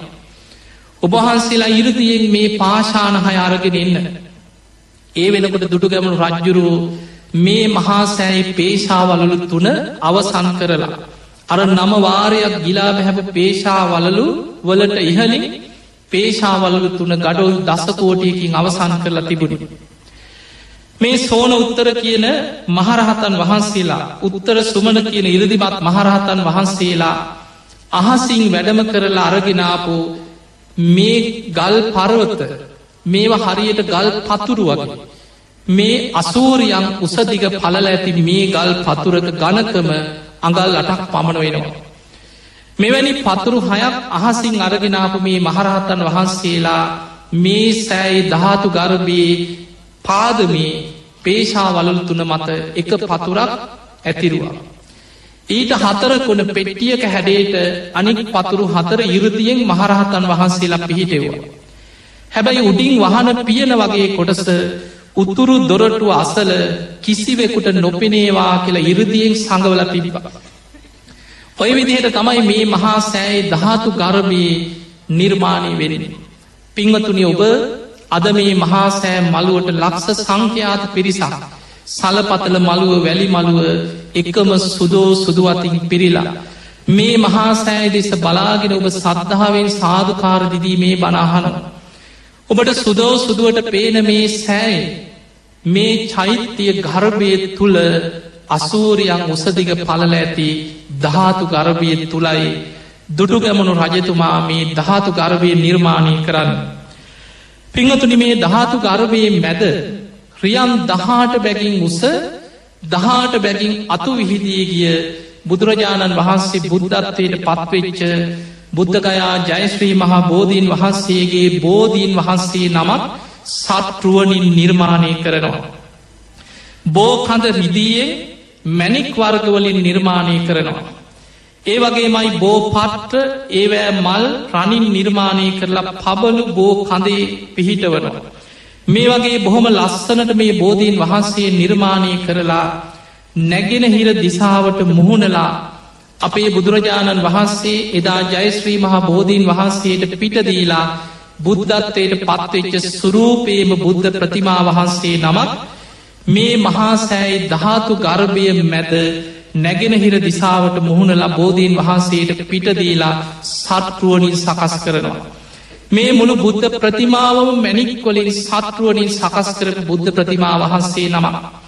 අදා පිරුවන්වැලි මහාසෑයි වදින ගාථාව තියෙන්නේ බුදුරුව ගැන සයින්සු යස්මින් සුගදස්ස ධාතු නිම්මාය රන් සුද්ජල බුද්ධ රූපක් ස්වර්ණ මාලීති පතීත නාමං වන්දා මහන්තූප වරං මහක්කං කියලා අපි මේ මහාසෑය වන්දනා කරන්නේ මේ මහාසෑයි ධාතු ගර්භී මැද වැඩ සිටින. ඒ රන් සුද්ජල වූ බුද්ධ රූප බුද්ධ ප්‍රතිමා වහන්සේට අපි ගාථාවෙන් වන්දනා කරන්න. මෙන්න මේ බුද්ධ ප්‍රතිමා වහන්සේට ඒවගේම මේ මහා ධාතු ගර්භය වටේට බුදුරජාණන් වහන්සේගේ බුද්ධ චරිතේ සියලු තොරතුරු හරිම පුදුමාකාරයි සටරුවනින් පිළිම හැටියට නිර්මාණය කරනවා. ඒ අතර මේ බෝධීන් වහන්සේට ඉහලින් චත්‍රයක් දරාගෙන සිටින මහා බ්‍රහ්ම දෙවියන් අහසේ නිර්මාණය කරලා පිහිටෝනවා මහරහතන් වහන්සේලාගේ ඉරුදි බලය මත. ඒවගේම සක්‍ර දෙවියන්ගේ රූප සක්‍ර දෙවියන් ජයතුරා සකපිබින ආකාරය. ඒ වගේම ඇත් රූප පිරිවරාගෙන එදා මාරයා පරාජයට පත්කරපු ආකාරය බෝධි මූලේදි මාර පරාජය. එදා ප්‍රතිමාවලින් මේ දහතු ගර්භය තුළ දුටුගැම රජ්ජුරු නිර්මාණය කරවන. ඒ වගේ මයි තුන් දිසාවටම සතර දිසාවටම කෝටියක් වටිනා ආසන හැටියට සකස් කරලා බුද්ධ ප්‍රතිමා වහන්සේලා මේ ඒ ඒ දිසාවල් දෙස බලාගෙනන්න බුදුරුවල් පිහිටෝනු. ඒ වගේ මයි බුදුරජාණන් වහන්සේගේ පිරිනිවන් මංචක උන්වහන්සේදා මල්ල රජදරුවන්ගේ උපවර්තන සාල වනෝද්‍යානි සල්ගස් දෙකක් අතර උතුරට හිසලා පිරිනිවන් පාපු සුරූපයේ ප්‍රතිමා වහන්සේ නමක් නිර්මාණය කරලා ඒ සල්ගස් දහතු ගර්භය තුළ නිර්මාණය කරනවා. ඒවගේමයි උන්වහන්සේ සත් සතිය ගත කරපු ආකාරය පළවෙනි සතිය බෝධිමූලේ දෙවනි සතියේ බෝධීන් වහන්සේ දෙසට නේත්‍ර පූජාවකි පූජා පැවැත්තුවා. තුංගනි සතිය පුරාම රුවන් සක්මනයේ තුන. හතරවෙනි සතියේ රුවන්ගේ මවාගෙන ඒ දුල අභිධර්මී මෙනෙහි කරා. පස්සනි සති අජපාල නුගරුක මුලදී සහම්පති මහා බ්‍රහ්ම දෙවියන් දහම් දෙසන්න ආරාධනා කර. හයවැනි සතිය මුචලින්ද විලාසල වැඩසිටිද්දි නාගලෝකි නාගිනි සතියක් පුරා නොතමි ඉන්න මුතුකුඩයක් හිසට ඉහලින් දරාගෙනන්න වගේ පෙන ගොබේ විහිදවාගෙන උන්වහන්සිට ආරක්ෂා සැලසුව. ඒවගේ මයි හත්වනි සති උන්වහන්සේ රාජායතන කිරිපලු රුකමුලදී තපස්සු බල්ලුක වෙළඳ සොහයුරම් විලද මී පිඩු සහිත දානය පූජා කර. මේ සියලු සත් සති විස්තර මේ ධාතු ගරබය වටා පිළිමවලින් නිර්මාණය කරලා තියෙනවා. ඒවගේමයි පිංහතුනේ එදා බුදුරජාණන් වහන්සේ දම්සක් පැවතුන් සූත්‍රයේ දේශනා කරපු සිදුවීම පස්සක භික්‍ෂූන් වහන්සේලා බණහන ආකාරය ප්‍රතිමාවලින් නිර්මාණය කරලා මේ මහාසෑයි ධාතු ගර්භය තුළ පිහිටෙව්වා. ඒ විතරක් නෙමෙයි බද්ධවගේ කුමාරවරුන්ගේ පැවිදිවීම උරුවල් කාශ්‍යප නදී කාශ්‍යප ගයාකාශ පාදීමේ ජටිලයක් දමනය බිම්බිසා රජ්ජුරුවෝ වේල්වනාරාමි පූජා කිරීම. අග්‍රශ්‍රාවකයන් වහන්සේලා අසූ මහා ශ්‍රාවකයන් වහන්සේලාගේ ප්‍රතිමා නිර්මාණය කරලා මේ මහාසෑයි ධාතු ගර්භය තුළ තැම්පත් කර. පිංහතුනී අපේ බුදුරජාණන් වහන්සේ එදා කිඹුල්වත්පුරේට වැඩම කරන ගමන විසි දහසක් රහතුන් පිරිවරාගෙන කිඹුල්වත්පුරේට වැඩම කරන ගමන ප්‍රතිමාවලින් නිර්මාණය කරා. ඒ විතරක් නෙමෙයි එදා මහාමායා දේවියගේ කුසින් ලුම්මිනි සල්වනයේදි බිහිවීම. එදා ඒ විතරක් නෙමෙයි දෙව්රම් විහාරය අනාත පින්ඩික සිටතුමා ජේතවනාරාමී පූජා කිරීම පනස් හතර කෝටියක් කහවන් වතුරලා. ජේතවන පිම්බිම බුද්ධ ශාසනයට පූජා කිරීම. මේ වගේ යමාමහ පෙළහර පෑන් බුදුරජාණන් වහන්සේ අන්‍ය තීර්ථකයන් දමනය කරන්න යමාමහ පෙළහර පාන ආකාර. මේ සියල්ල පිළිමවලින් නිර්මාණය කරලා ධාතු ගර්භය තුළ පිහිටවල තියෙන. බලන්න අපිට හිතන්නවත් පුළුවන්ද කියලා. මේ මහාසෑ ධාතු ගර්භය තුළ මේ සියලු බුද්ධ චරිතයේ සිදුවීම් වල ප්‍රතිමා වහන්සේලා නිර්මාණය කරලා මහරහතන් වහන්සේලා ඒවා ඉහල ඒවගේම සතරකොන අහසේ ධාතු ගර්භය තුළ හැම තැනම ඉරදියෙන් පිහිටවනවා. ඒවගේමයි උන්වහන්සේ දෙව්ලෝට වැඩම කරලා තවතිසා දෙව්ලෝ සක්‍ර දෙවියන්ගේ පණ්ඩුකම්බල සයිලාසනය මත වැඩ සිටිමිනි. අභිධර්ම දේශනාව දේශනා කරන ආකාරය. සංකස්ස පුරයට වැඩම කරපු ලෝක විවරණ මහා ප්‍රාතිහාරය ආයු සංස්කාර අතහැරීම මේ විදියට ධාතු බෙදාදීම පවා ද්‍රෝණ බමුණා ධාතුන් වහන්සේලා බෙදාදීම. ශ්‍රී දේහය රන්දිනේ තැම්පත් කරලා ආදාහනය කරන ආකාරය. මේ සියලු දේවල් ප්‍රතිමාවලින් නිර්මාණය කරලා මේ මහා චෛත්‍යයේ ධාතු ගර්භය තුළ පිහිටවල තියෙනවා. පිංහතුනී මේ විදිහට මේ ධාතු ගර්භය සකස් කරල අවසන් වෙලා එදා අපේ බුදුරජාණන් වහන්සේ ආනන්ද හාමුදුරුව ඇතුළු මේ මහරහතන් වහන්සේලා ඒ අයගේ ප්‍රතිමා ඒවගේ බුදුරජාණන් වහන්සේ ද්‍රෝණ බමුණාමේ දහතුන් වහන්සේලා රජවරුන්ට බෙදලා දෙන ප්‍රති වෙස්සන්තර ජාතකය විශේෂෙද. උන්වහන්සේ එදා හත්වාරයක් මහපොලෝ පවා කම්පා කරමින් දන්දීපු වෙස්සන්තර ජාතකයේ බොහෝ සිදුවීම් ප්‍රතිමාවලින් නිර්මාණය කර. ඒවගේම උන්වහන්සේ බුද්ධගයා බෝධි මණ්ඩලේ බුද්ධත්වයට පත්වෙද්දී දස බිම්බරක් මාර සේනාව පරාජයට පත්කරමින් උන්වහන්සේගේ පාරමී ධර්ම සිහි කරල පොළොවට ශ්‍රී හස්තේ තිල අධිෂ්ඨාන කරන ආකාරය මේ සියල්ල ඉන්ද්‍ර ගුප්ත කියන මහරහතන් වහන්සේගේ උපදෙස් පරිදි තමයි ධාතු ගර්භය දුටුගමනු රජ්ජුරුවෝ නිර්මාණ සිල්පීන් ලවා නිර්මාණය කරවන්න. පිංහතුනී මේ තොරතුරු අහගෙන ඉන්නකොට ඔබට පේනව ඇති කොහොමද මේ තරම් ප්‍රතිමා විශාල ප්‍රමාණයක්. බුද්ධ චරිතයේ මේ තරන් සිදුවී. මේ ජාතක කතා බුද්ධ චරිතයේ තොරතුරු සත්සති මේ හැම දෙයක්ම මේ චෛත්‍යයේ අසූරියන් උසදිග පල ඇති ධාතු ගර්භයක් තුළ පිහිටවල.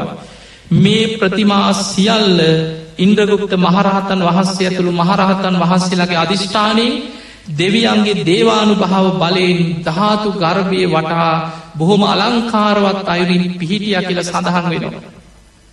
මේ විදිහට ධාතු ගර්භය නිර්මාණය කරලා අවසන් වෙලා ඒවගේම සතරවරන් දෙවියන් හතර දෙනෙන් හතර පැත්තෙන් වන්දනා කරන ආකාරයක් ඒවගේම මේ මහා සෑය වෙනුවෙන් පොළොවෙන් මතුවනා ඉතාම දීප්තිය විහිදෙන අලංකාරවත් මානික්‍ය රත්න හතරක්. මේ මානික්‍ය රත්න හතර ධාතු ගර්භයේ හතර කොන තැම්පත් කරා මුළු ධාතු ගර්භයේ මාලෝකමත් වෙලා කියා. මහරහතන් වහන්සේලා හතර කොන සිංහ තෙල්දාපු පහන් දල්වලා අධිෂ්ඨාන කරා මේ මහාසෑ ධාතු ගර්භී ද්‍රෝණයක් දහතුන් වහන්සේලා තැම්පත් වනායින් පසුව. අවුරුදු පන්දාහක් යනතේ මේ පහන් නොනිමේවා. මේ සුවඳ නොමැකේවා මේ මල් පර නොවේවා කියල ධාතු ගර්භයේ මල් පූජා කළ පහන් දැල්ලුව.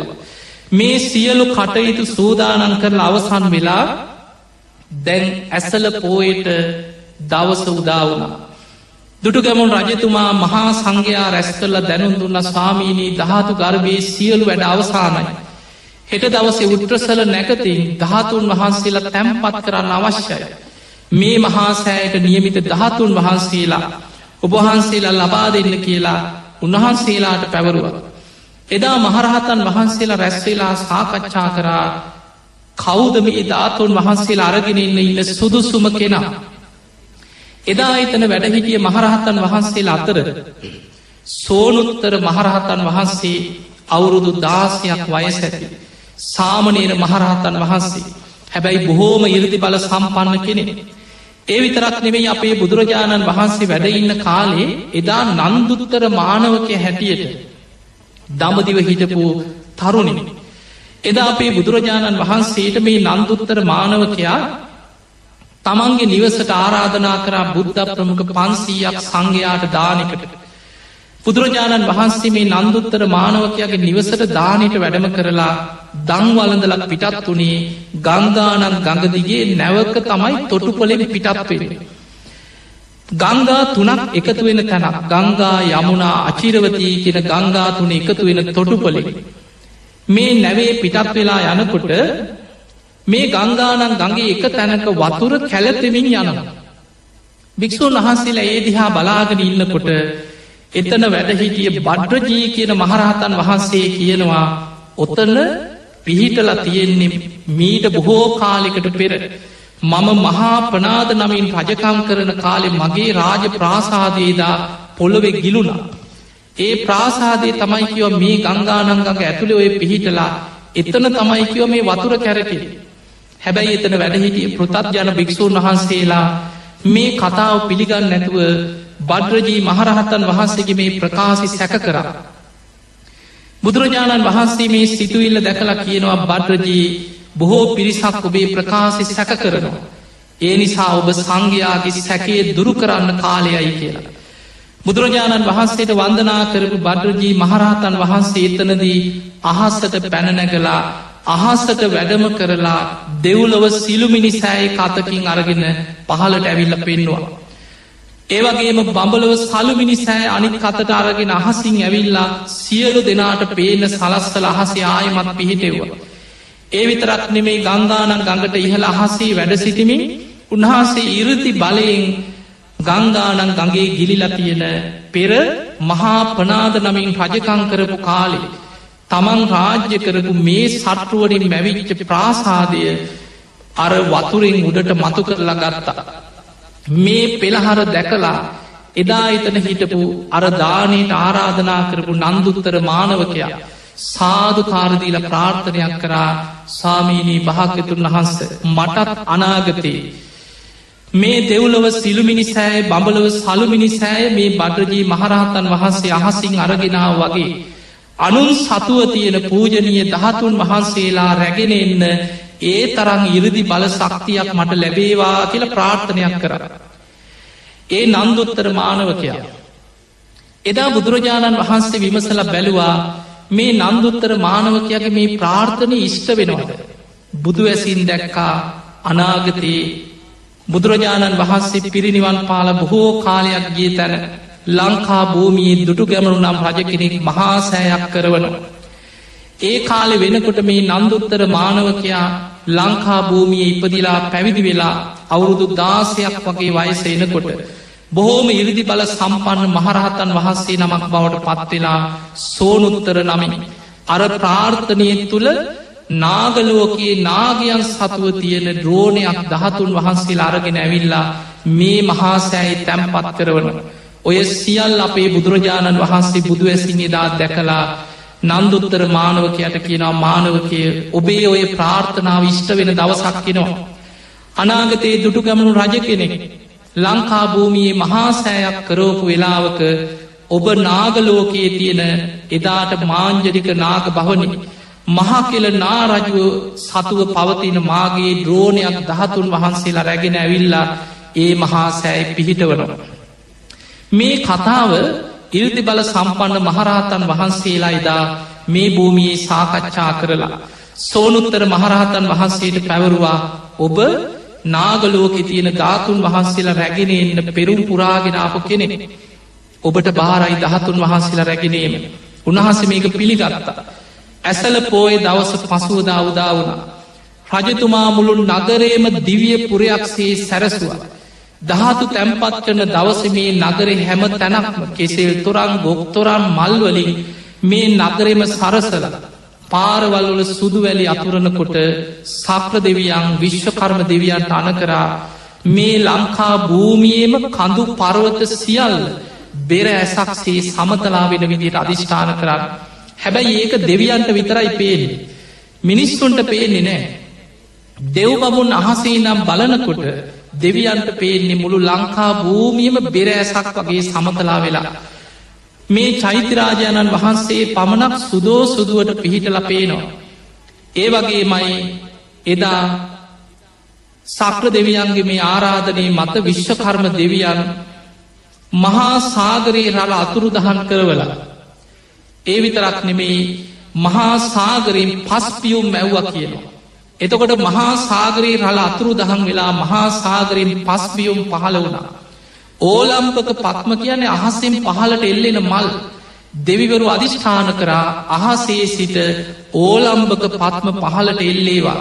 මේ මහාසෑයි දහතු නිදන් වෙන දවසේ මේ වගේ මහා ආශ්චරයමත් දේවල් අහසි සිදුවනා දෙවියන්ගේ දේවානු භාවයක් මහරහතන් වහන්සේලාගේ ඉරදි බලයක් සමඟ එදා රජතුමා පෙරහැරින් පිටත් වෙලා එනකොට සෝනුත්තර මහරහතන් වහන්සේ උන්වහන්සේ සමාපත්තියට සමවැදිලා පොල්ලොවෙන් කිමිදිලා මාංජරික කියන නාග බහවනින් මතුුණා. එදා මහා කෙල කියන මහා කාල කියල හඳුන්නන මේ නාග රජ්ජුරු සෝනුත්තර මහරහතන් වහන්සේ වඩිනවා දැකළ බොහොම සද්ධාව පිළිගත්ත වැැන්ද. පාදෝවනය කර ස්වාමිනි ඇයි මෙහි වැඩි. උන්වහන්සේ කියන රජතුමනී ලංකා භූමියයේ දුටු ගැමනු මහ රජතුමා. මහා සෑයක් කරවල අද දහතු නිදන් කරන්න කටයුතු සූදානන් කරල. ඔබ සතුව පවතිනවා බුද්ධ අධිෂ්ඨානය මත ඒ මහා සෑහි තැම්පත් වෙන ද්‍රෝණයක් දහතුන් වහන්සේලා. මේ දහතු කරඩු අරගෙන යන්නයි කිවාව. ඒ වෙලාවේ බියෙන් තැතිගත්තම මහා කාල නාගරාජය හනේ අපේ දහතුන් වහන්සේලා අරගෙන ගියොත්. අපි කොච්චර සද්ධාවෙන්ද මේ නාගලෝක නාග පිරිස සුගතියක උපදින්න හිතාගෙන මේ දහතුන්ට වන්දනාමාන කරන්න. ඒ නිසා මේ දහතු කරඩුව කොහොමහරි හංගලා මේ ශ්‍රමණයන් වහන්සේට නොදී අරින්නට ඕන කියලා එතන හිටිය තමන්ගේ වාසුල දත්ත කියලා බෑනා කෙනෙක් වන නාගේ ඔහු බොහෝම බල සම්පන්න කෙනෙ ඔහුට ඇසෙන් ඉඟි කරා ඉක්මනට ධාතු කරඩු අරගෙන මෙතන පනින්න කියලා. වාසුල දත්ත කියන නාගය ධාතු කරඩු අරගෙන ගිහිල්ලා මහාමේරු පරවත පාමුල සම්පූර්ණයෙන්ම නාග පිරිසක් මවාගෙන කරඩුව කුසේ හංග ගරතා. විශාල පෙනකොබ ඇති නාග ශරීර මවාගෙන කරඩුව රැකගෙන ලක්ස ගණන් නාග පිරිස සමඟ මහාමේරු පර්වතය වෙලාගෙන කරඩුව හංගගෙන හිටිය. දැන් සෝනුත්තර මහරහතන් වහන්සේ ඉල්ලුව දහතුන් වහන්සේ. එතකොට මහ කියල නාගය දන්නවා දැන් ධාතුන් වහන්සේලා හංගල කිව ස්වාමිනි උබහන්සිට වැරදින. අපි ළඟ ධාතුන් වහන්සේලා නෑ තියෙනවන අරගෙන යන්න කිය. එතකොට උන්වහන්සේ කියනවා එහෙම නම්මන් තියෙන තැනින් ගන්නද කියලව. ඒකන ස්වාමිනි උබහන්සේට එකසරයක් කිව්වේ අපි ළඟේ ධාතුන් වහන්සේලා නෑ උබහන්සේට වැරදිලා තියෙනවනම් ගන්නේ කිය. දැන්ගුන්න දෙවනි වතාවේ තවසරී ලැබ. තුන්ගනි වතාව ආයමත් ඇහුව එහෙමනම් නාරජතුමනි මන් තියෙන තැනින් ගන්නද. ඉතින් ගන්න ස්වාමිනි අපි ළඟ නෑකිව. ඒ මොහොත්තෙම ඉරුදිමය අතක් මවලා අර වාසුල දත්ත නාගයක් ගිලගෙන හිටිය කරඩුව කුස්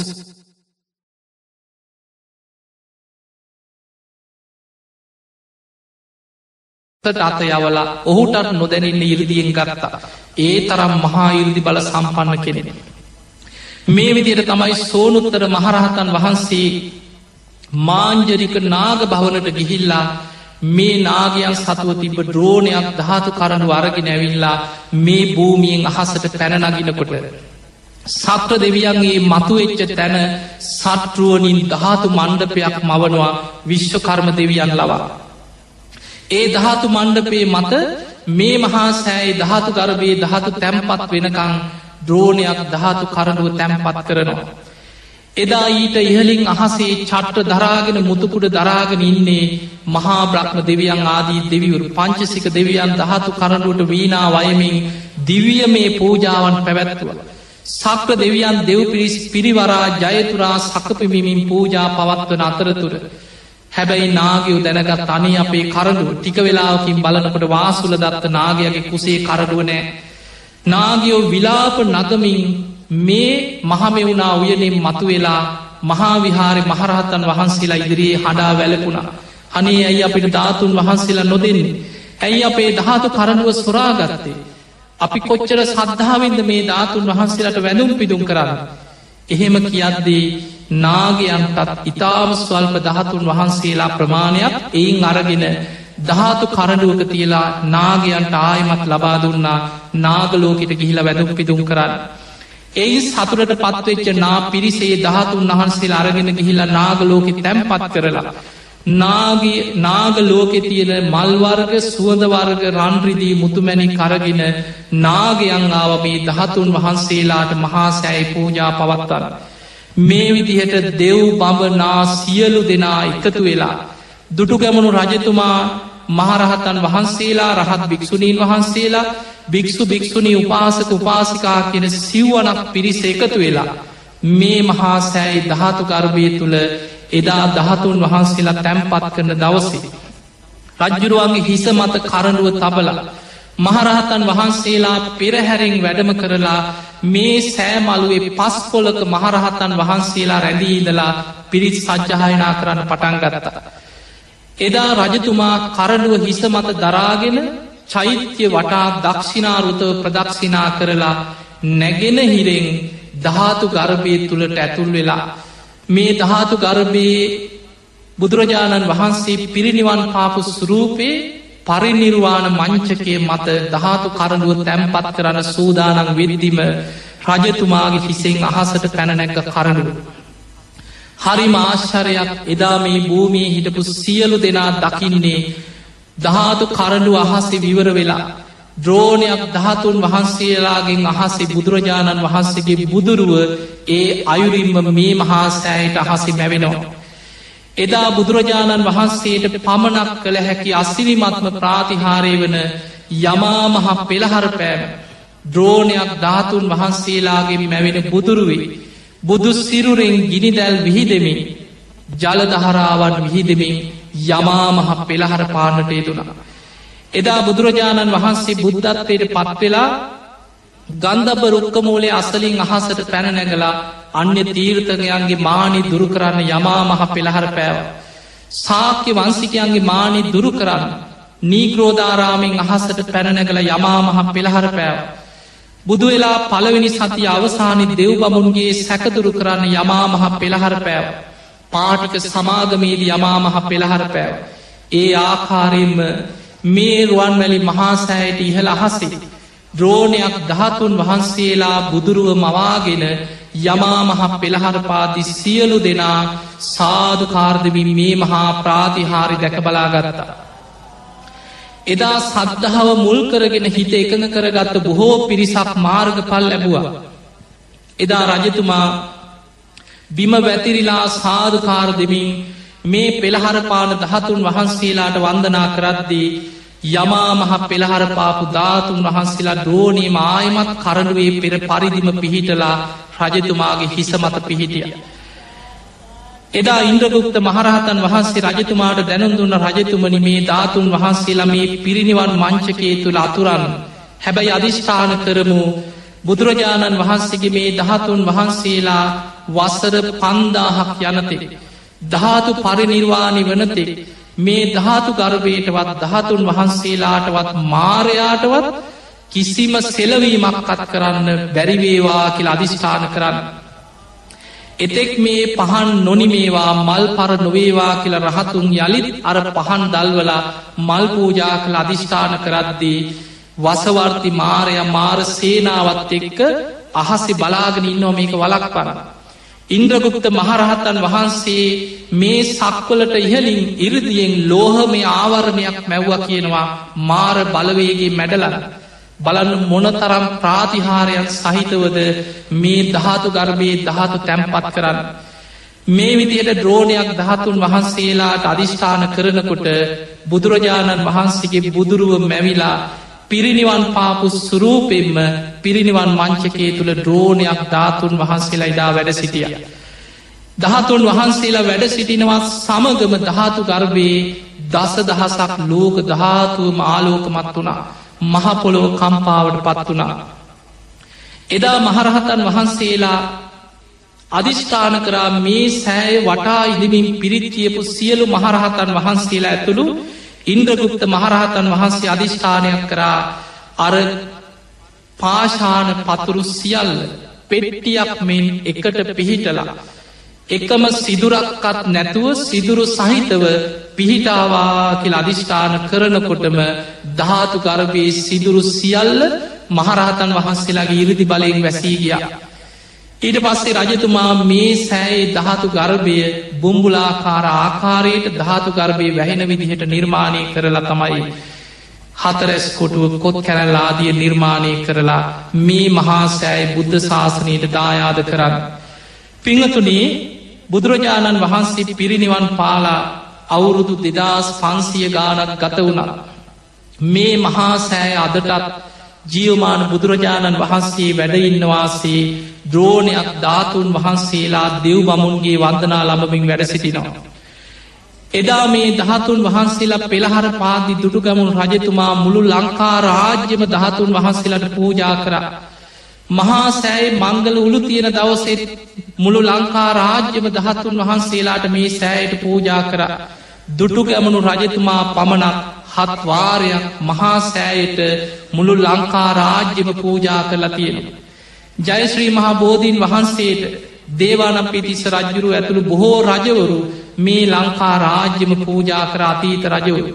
එතකොට අපිට පේනවා අපි මේ ජීවත්වෙන්නේ බුදුරජාණන් වහන්සේට බුද්ධ ශාසනයට ජයශ්‍රී මහා බෝධයට රුවන්වැලි මහාසෑයට පූජා කරපු රටක බුදු කෙනෙක් වෙනුවෙන් පූජා ලබන භූමියකයි අපි සියලු දෙනා මේ ජීවත්වෙන. පිංහතුනී මේ චෛත්‍යරාජාණන් වහන්සේ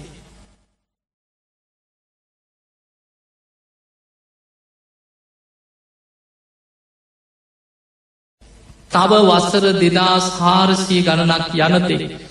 මාරයාට වස් සොලවන්න බැරුව දෙව් බමුන්ගේ වන්දනා ලබමින් වැඩ සිටිනවා.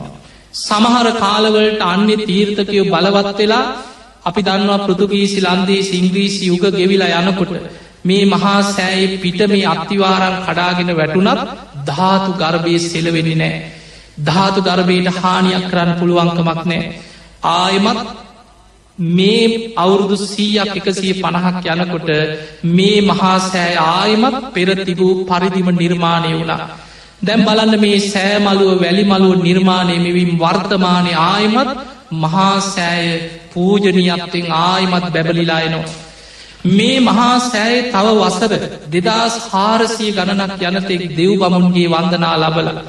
අපේ බුදුරජාණන් වහන්සේ පිරිනිවන් පාලා අවුරුදු පන්දාහක් වෙන වෙසක්පුන් පොහෝ දවසි ද්‍රෝණයක් ධාතුන් වහන්සේලා සෑ ගර්භයෙන් අහසට පැනනැගලා ආයමත් බුදුරුව මවාගෙන යමාමහ පෙළහර පානම. එහෙම පෙළහර පාල ධාතු ද්‍රෝණය මහසින් බුද්ධගයා වජිරාසනයට වඩිනකොට ධාතු ගර්භය හතරකුණ පහන් හතරම නිවිලායනවා. ඒ ධාතු ද්‍රෝණය මහසිහි වැඩම කරද්දී.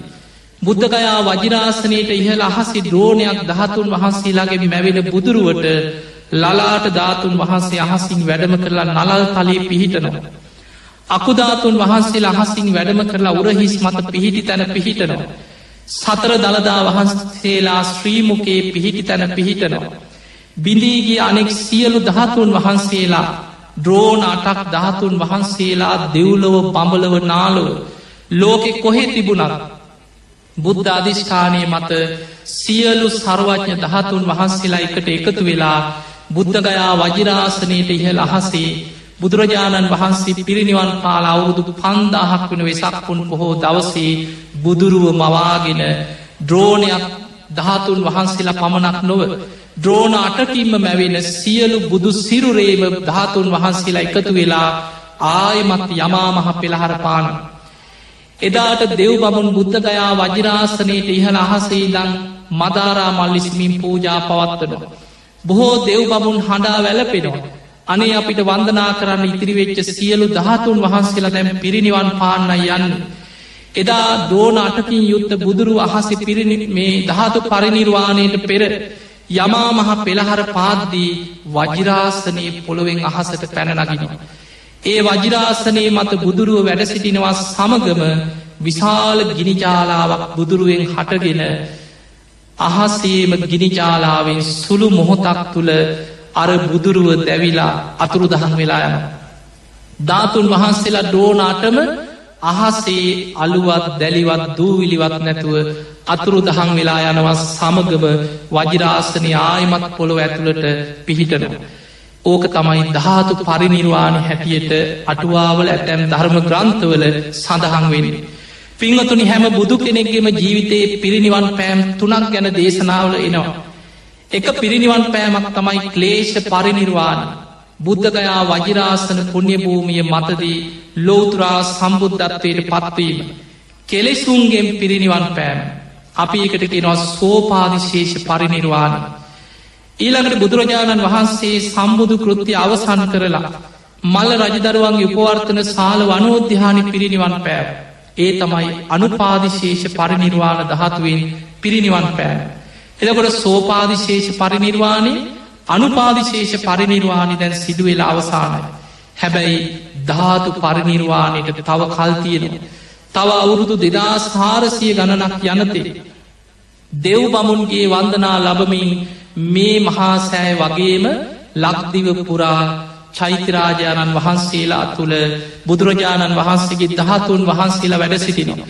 මේ විදිහට දෙව්ලොව පඹලව නාලව මනුලව තියෙන සියලු ධාතුන් වහන්සේලා එකට එකතු වෙලා බුදුරුව මවාගෙන පෙළහර පාලා ධාතු පරිනිර්වාණි සිදුවනාට පස්සි තමයි බුද්ධ අධිෂ්ඨාන ලෝකින් අවසන් වෙන්න. එතනින් පස්සෙ මිනිස්සුන්ගේ ආවිෂ පිරිහිලා මෘග සංඥා පහළ වෙලා අන්තක් කල්ප විනාසයක් සිදුවෙන. ඒ ඉතුරුවෙන අයගෙන් තමයි ආවිෂ වැඩි වෙලා වැඩි වෙලා ආයමත් මහා බඩ්ඩකල්පේ පස්සෙනි අන්තක් කල්පේ. අසංකේයට වැඩිවෙච් ආවිශ අඩුවෙලා අඩුවෙලා අසූදාහට අඩුවෙනකොට මෛත්‍රී බෝසතාණන් වහන්සේ දෙව්ලොවින් මනුලොවට ඇවිල්ල පහළවෙෙන. අන්නේ කාලි තමයි අනාගතය ආයමත් මෛත්‍රී බුද්ධ ශාසනයක් පහළ වෙන කාල. එනිසා පින්වතුනේ අපි මේ ඉන්නේ බුදු කෙනෙක්ගේ බුද්ධ ශාසනයක් තුළ.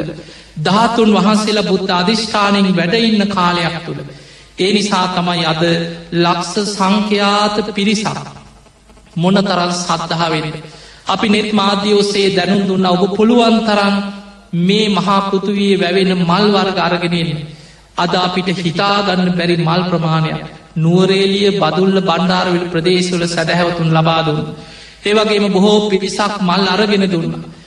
අද මේ මහා සෑය කෝටි ගණනක් සුවඳ මලින් පූජාවට පත් කරලා.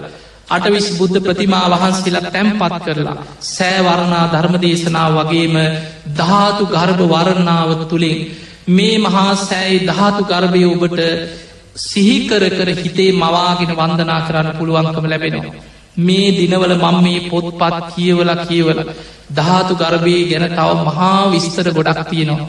පිංහතුනේ අපිට මේ මහා සෑ දෙස බලාගෙන දෑස් පියාගෙන හරි මේ දහතු ගර්භයට අපි සියලු දෙනා වන්දනා කරමු.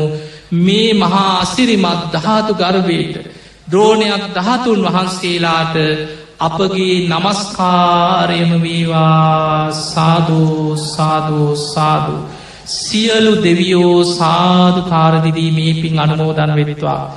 ඒවගේ ඔබ නමින් මිය පරලෝගිය සියලු ඥාතීනු සාධකාරදිමින් මේ පින් අනුමෝදන් වෙත්වා. ධර්මශ්‍රවනය කරනෙත් අහපු ඒවගේම කළඹුටවී නාලිකාවස්සෙන් ධර්මී ශ්‍රවණය කරපු ලක්වාසී ලෝවාසී හැම දෙනාම. ඔබ හැම දෙනාම.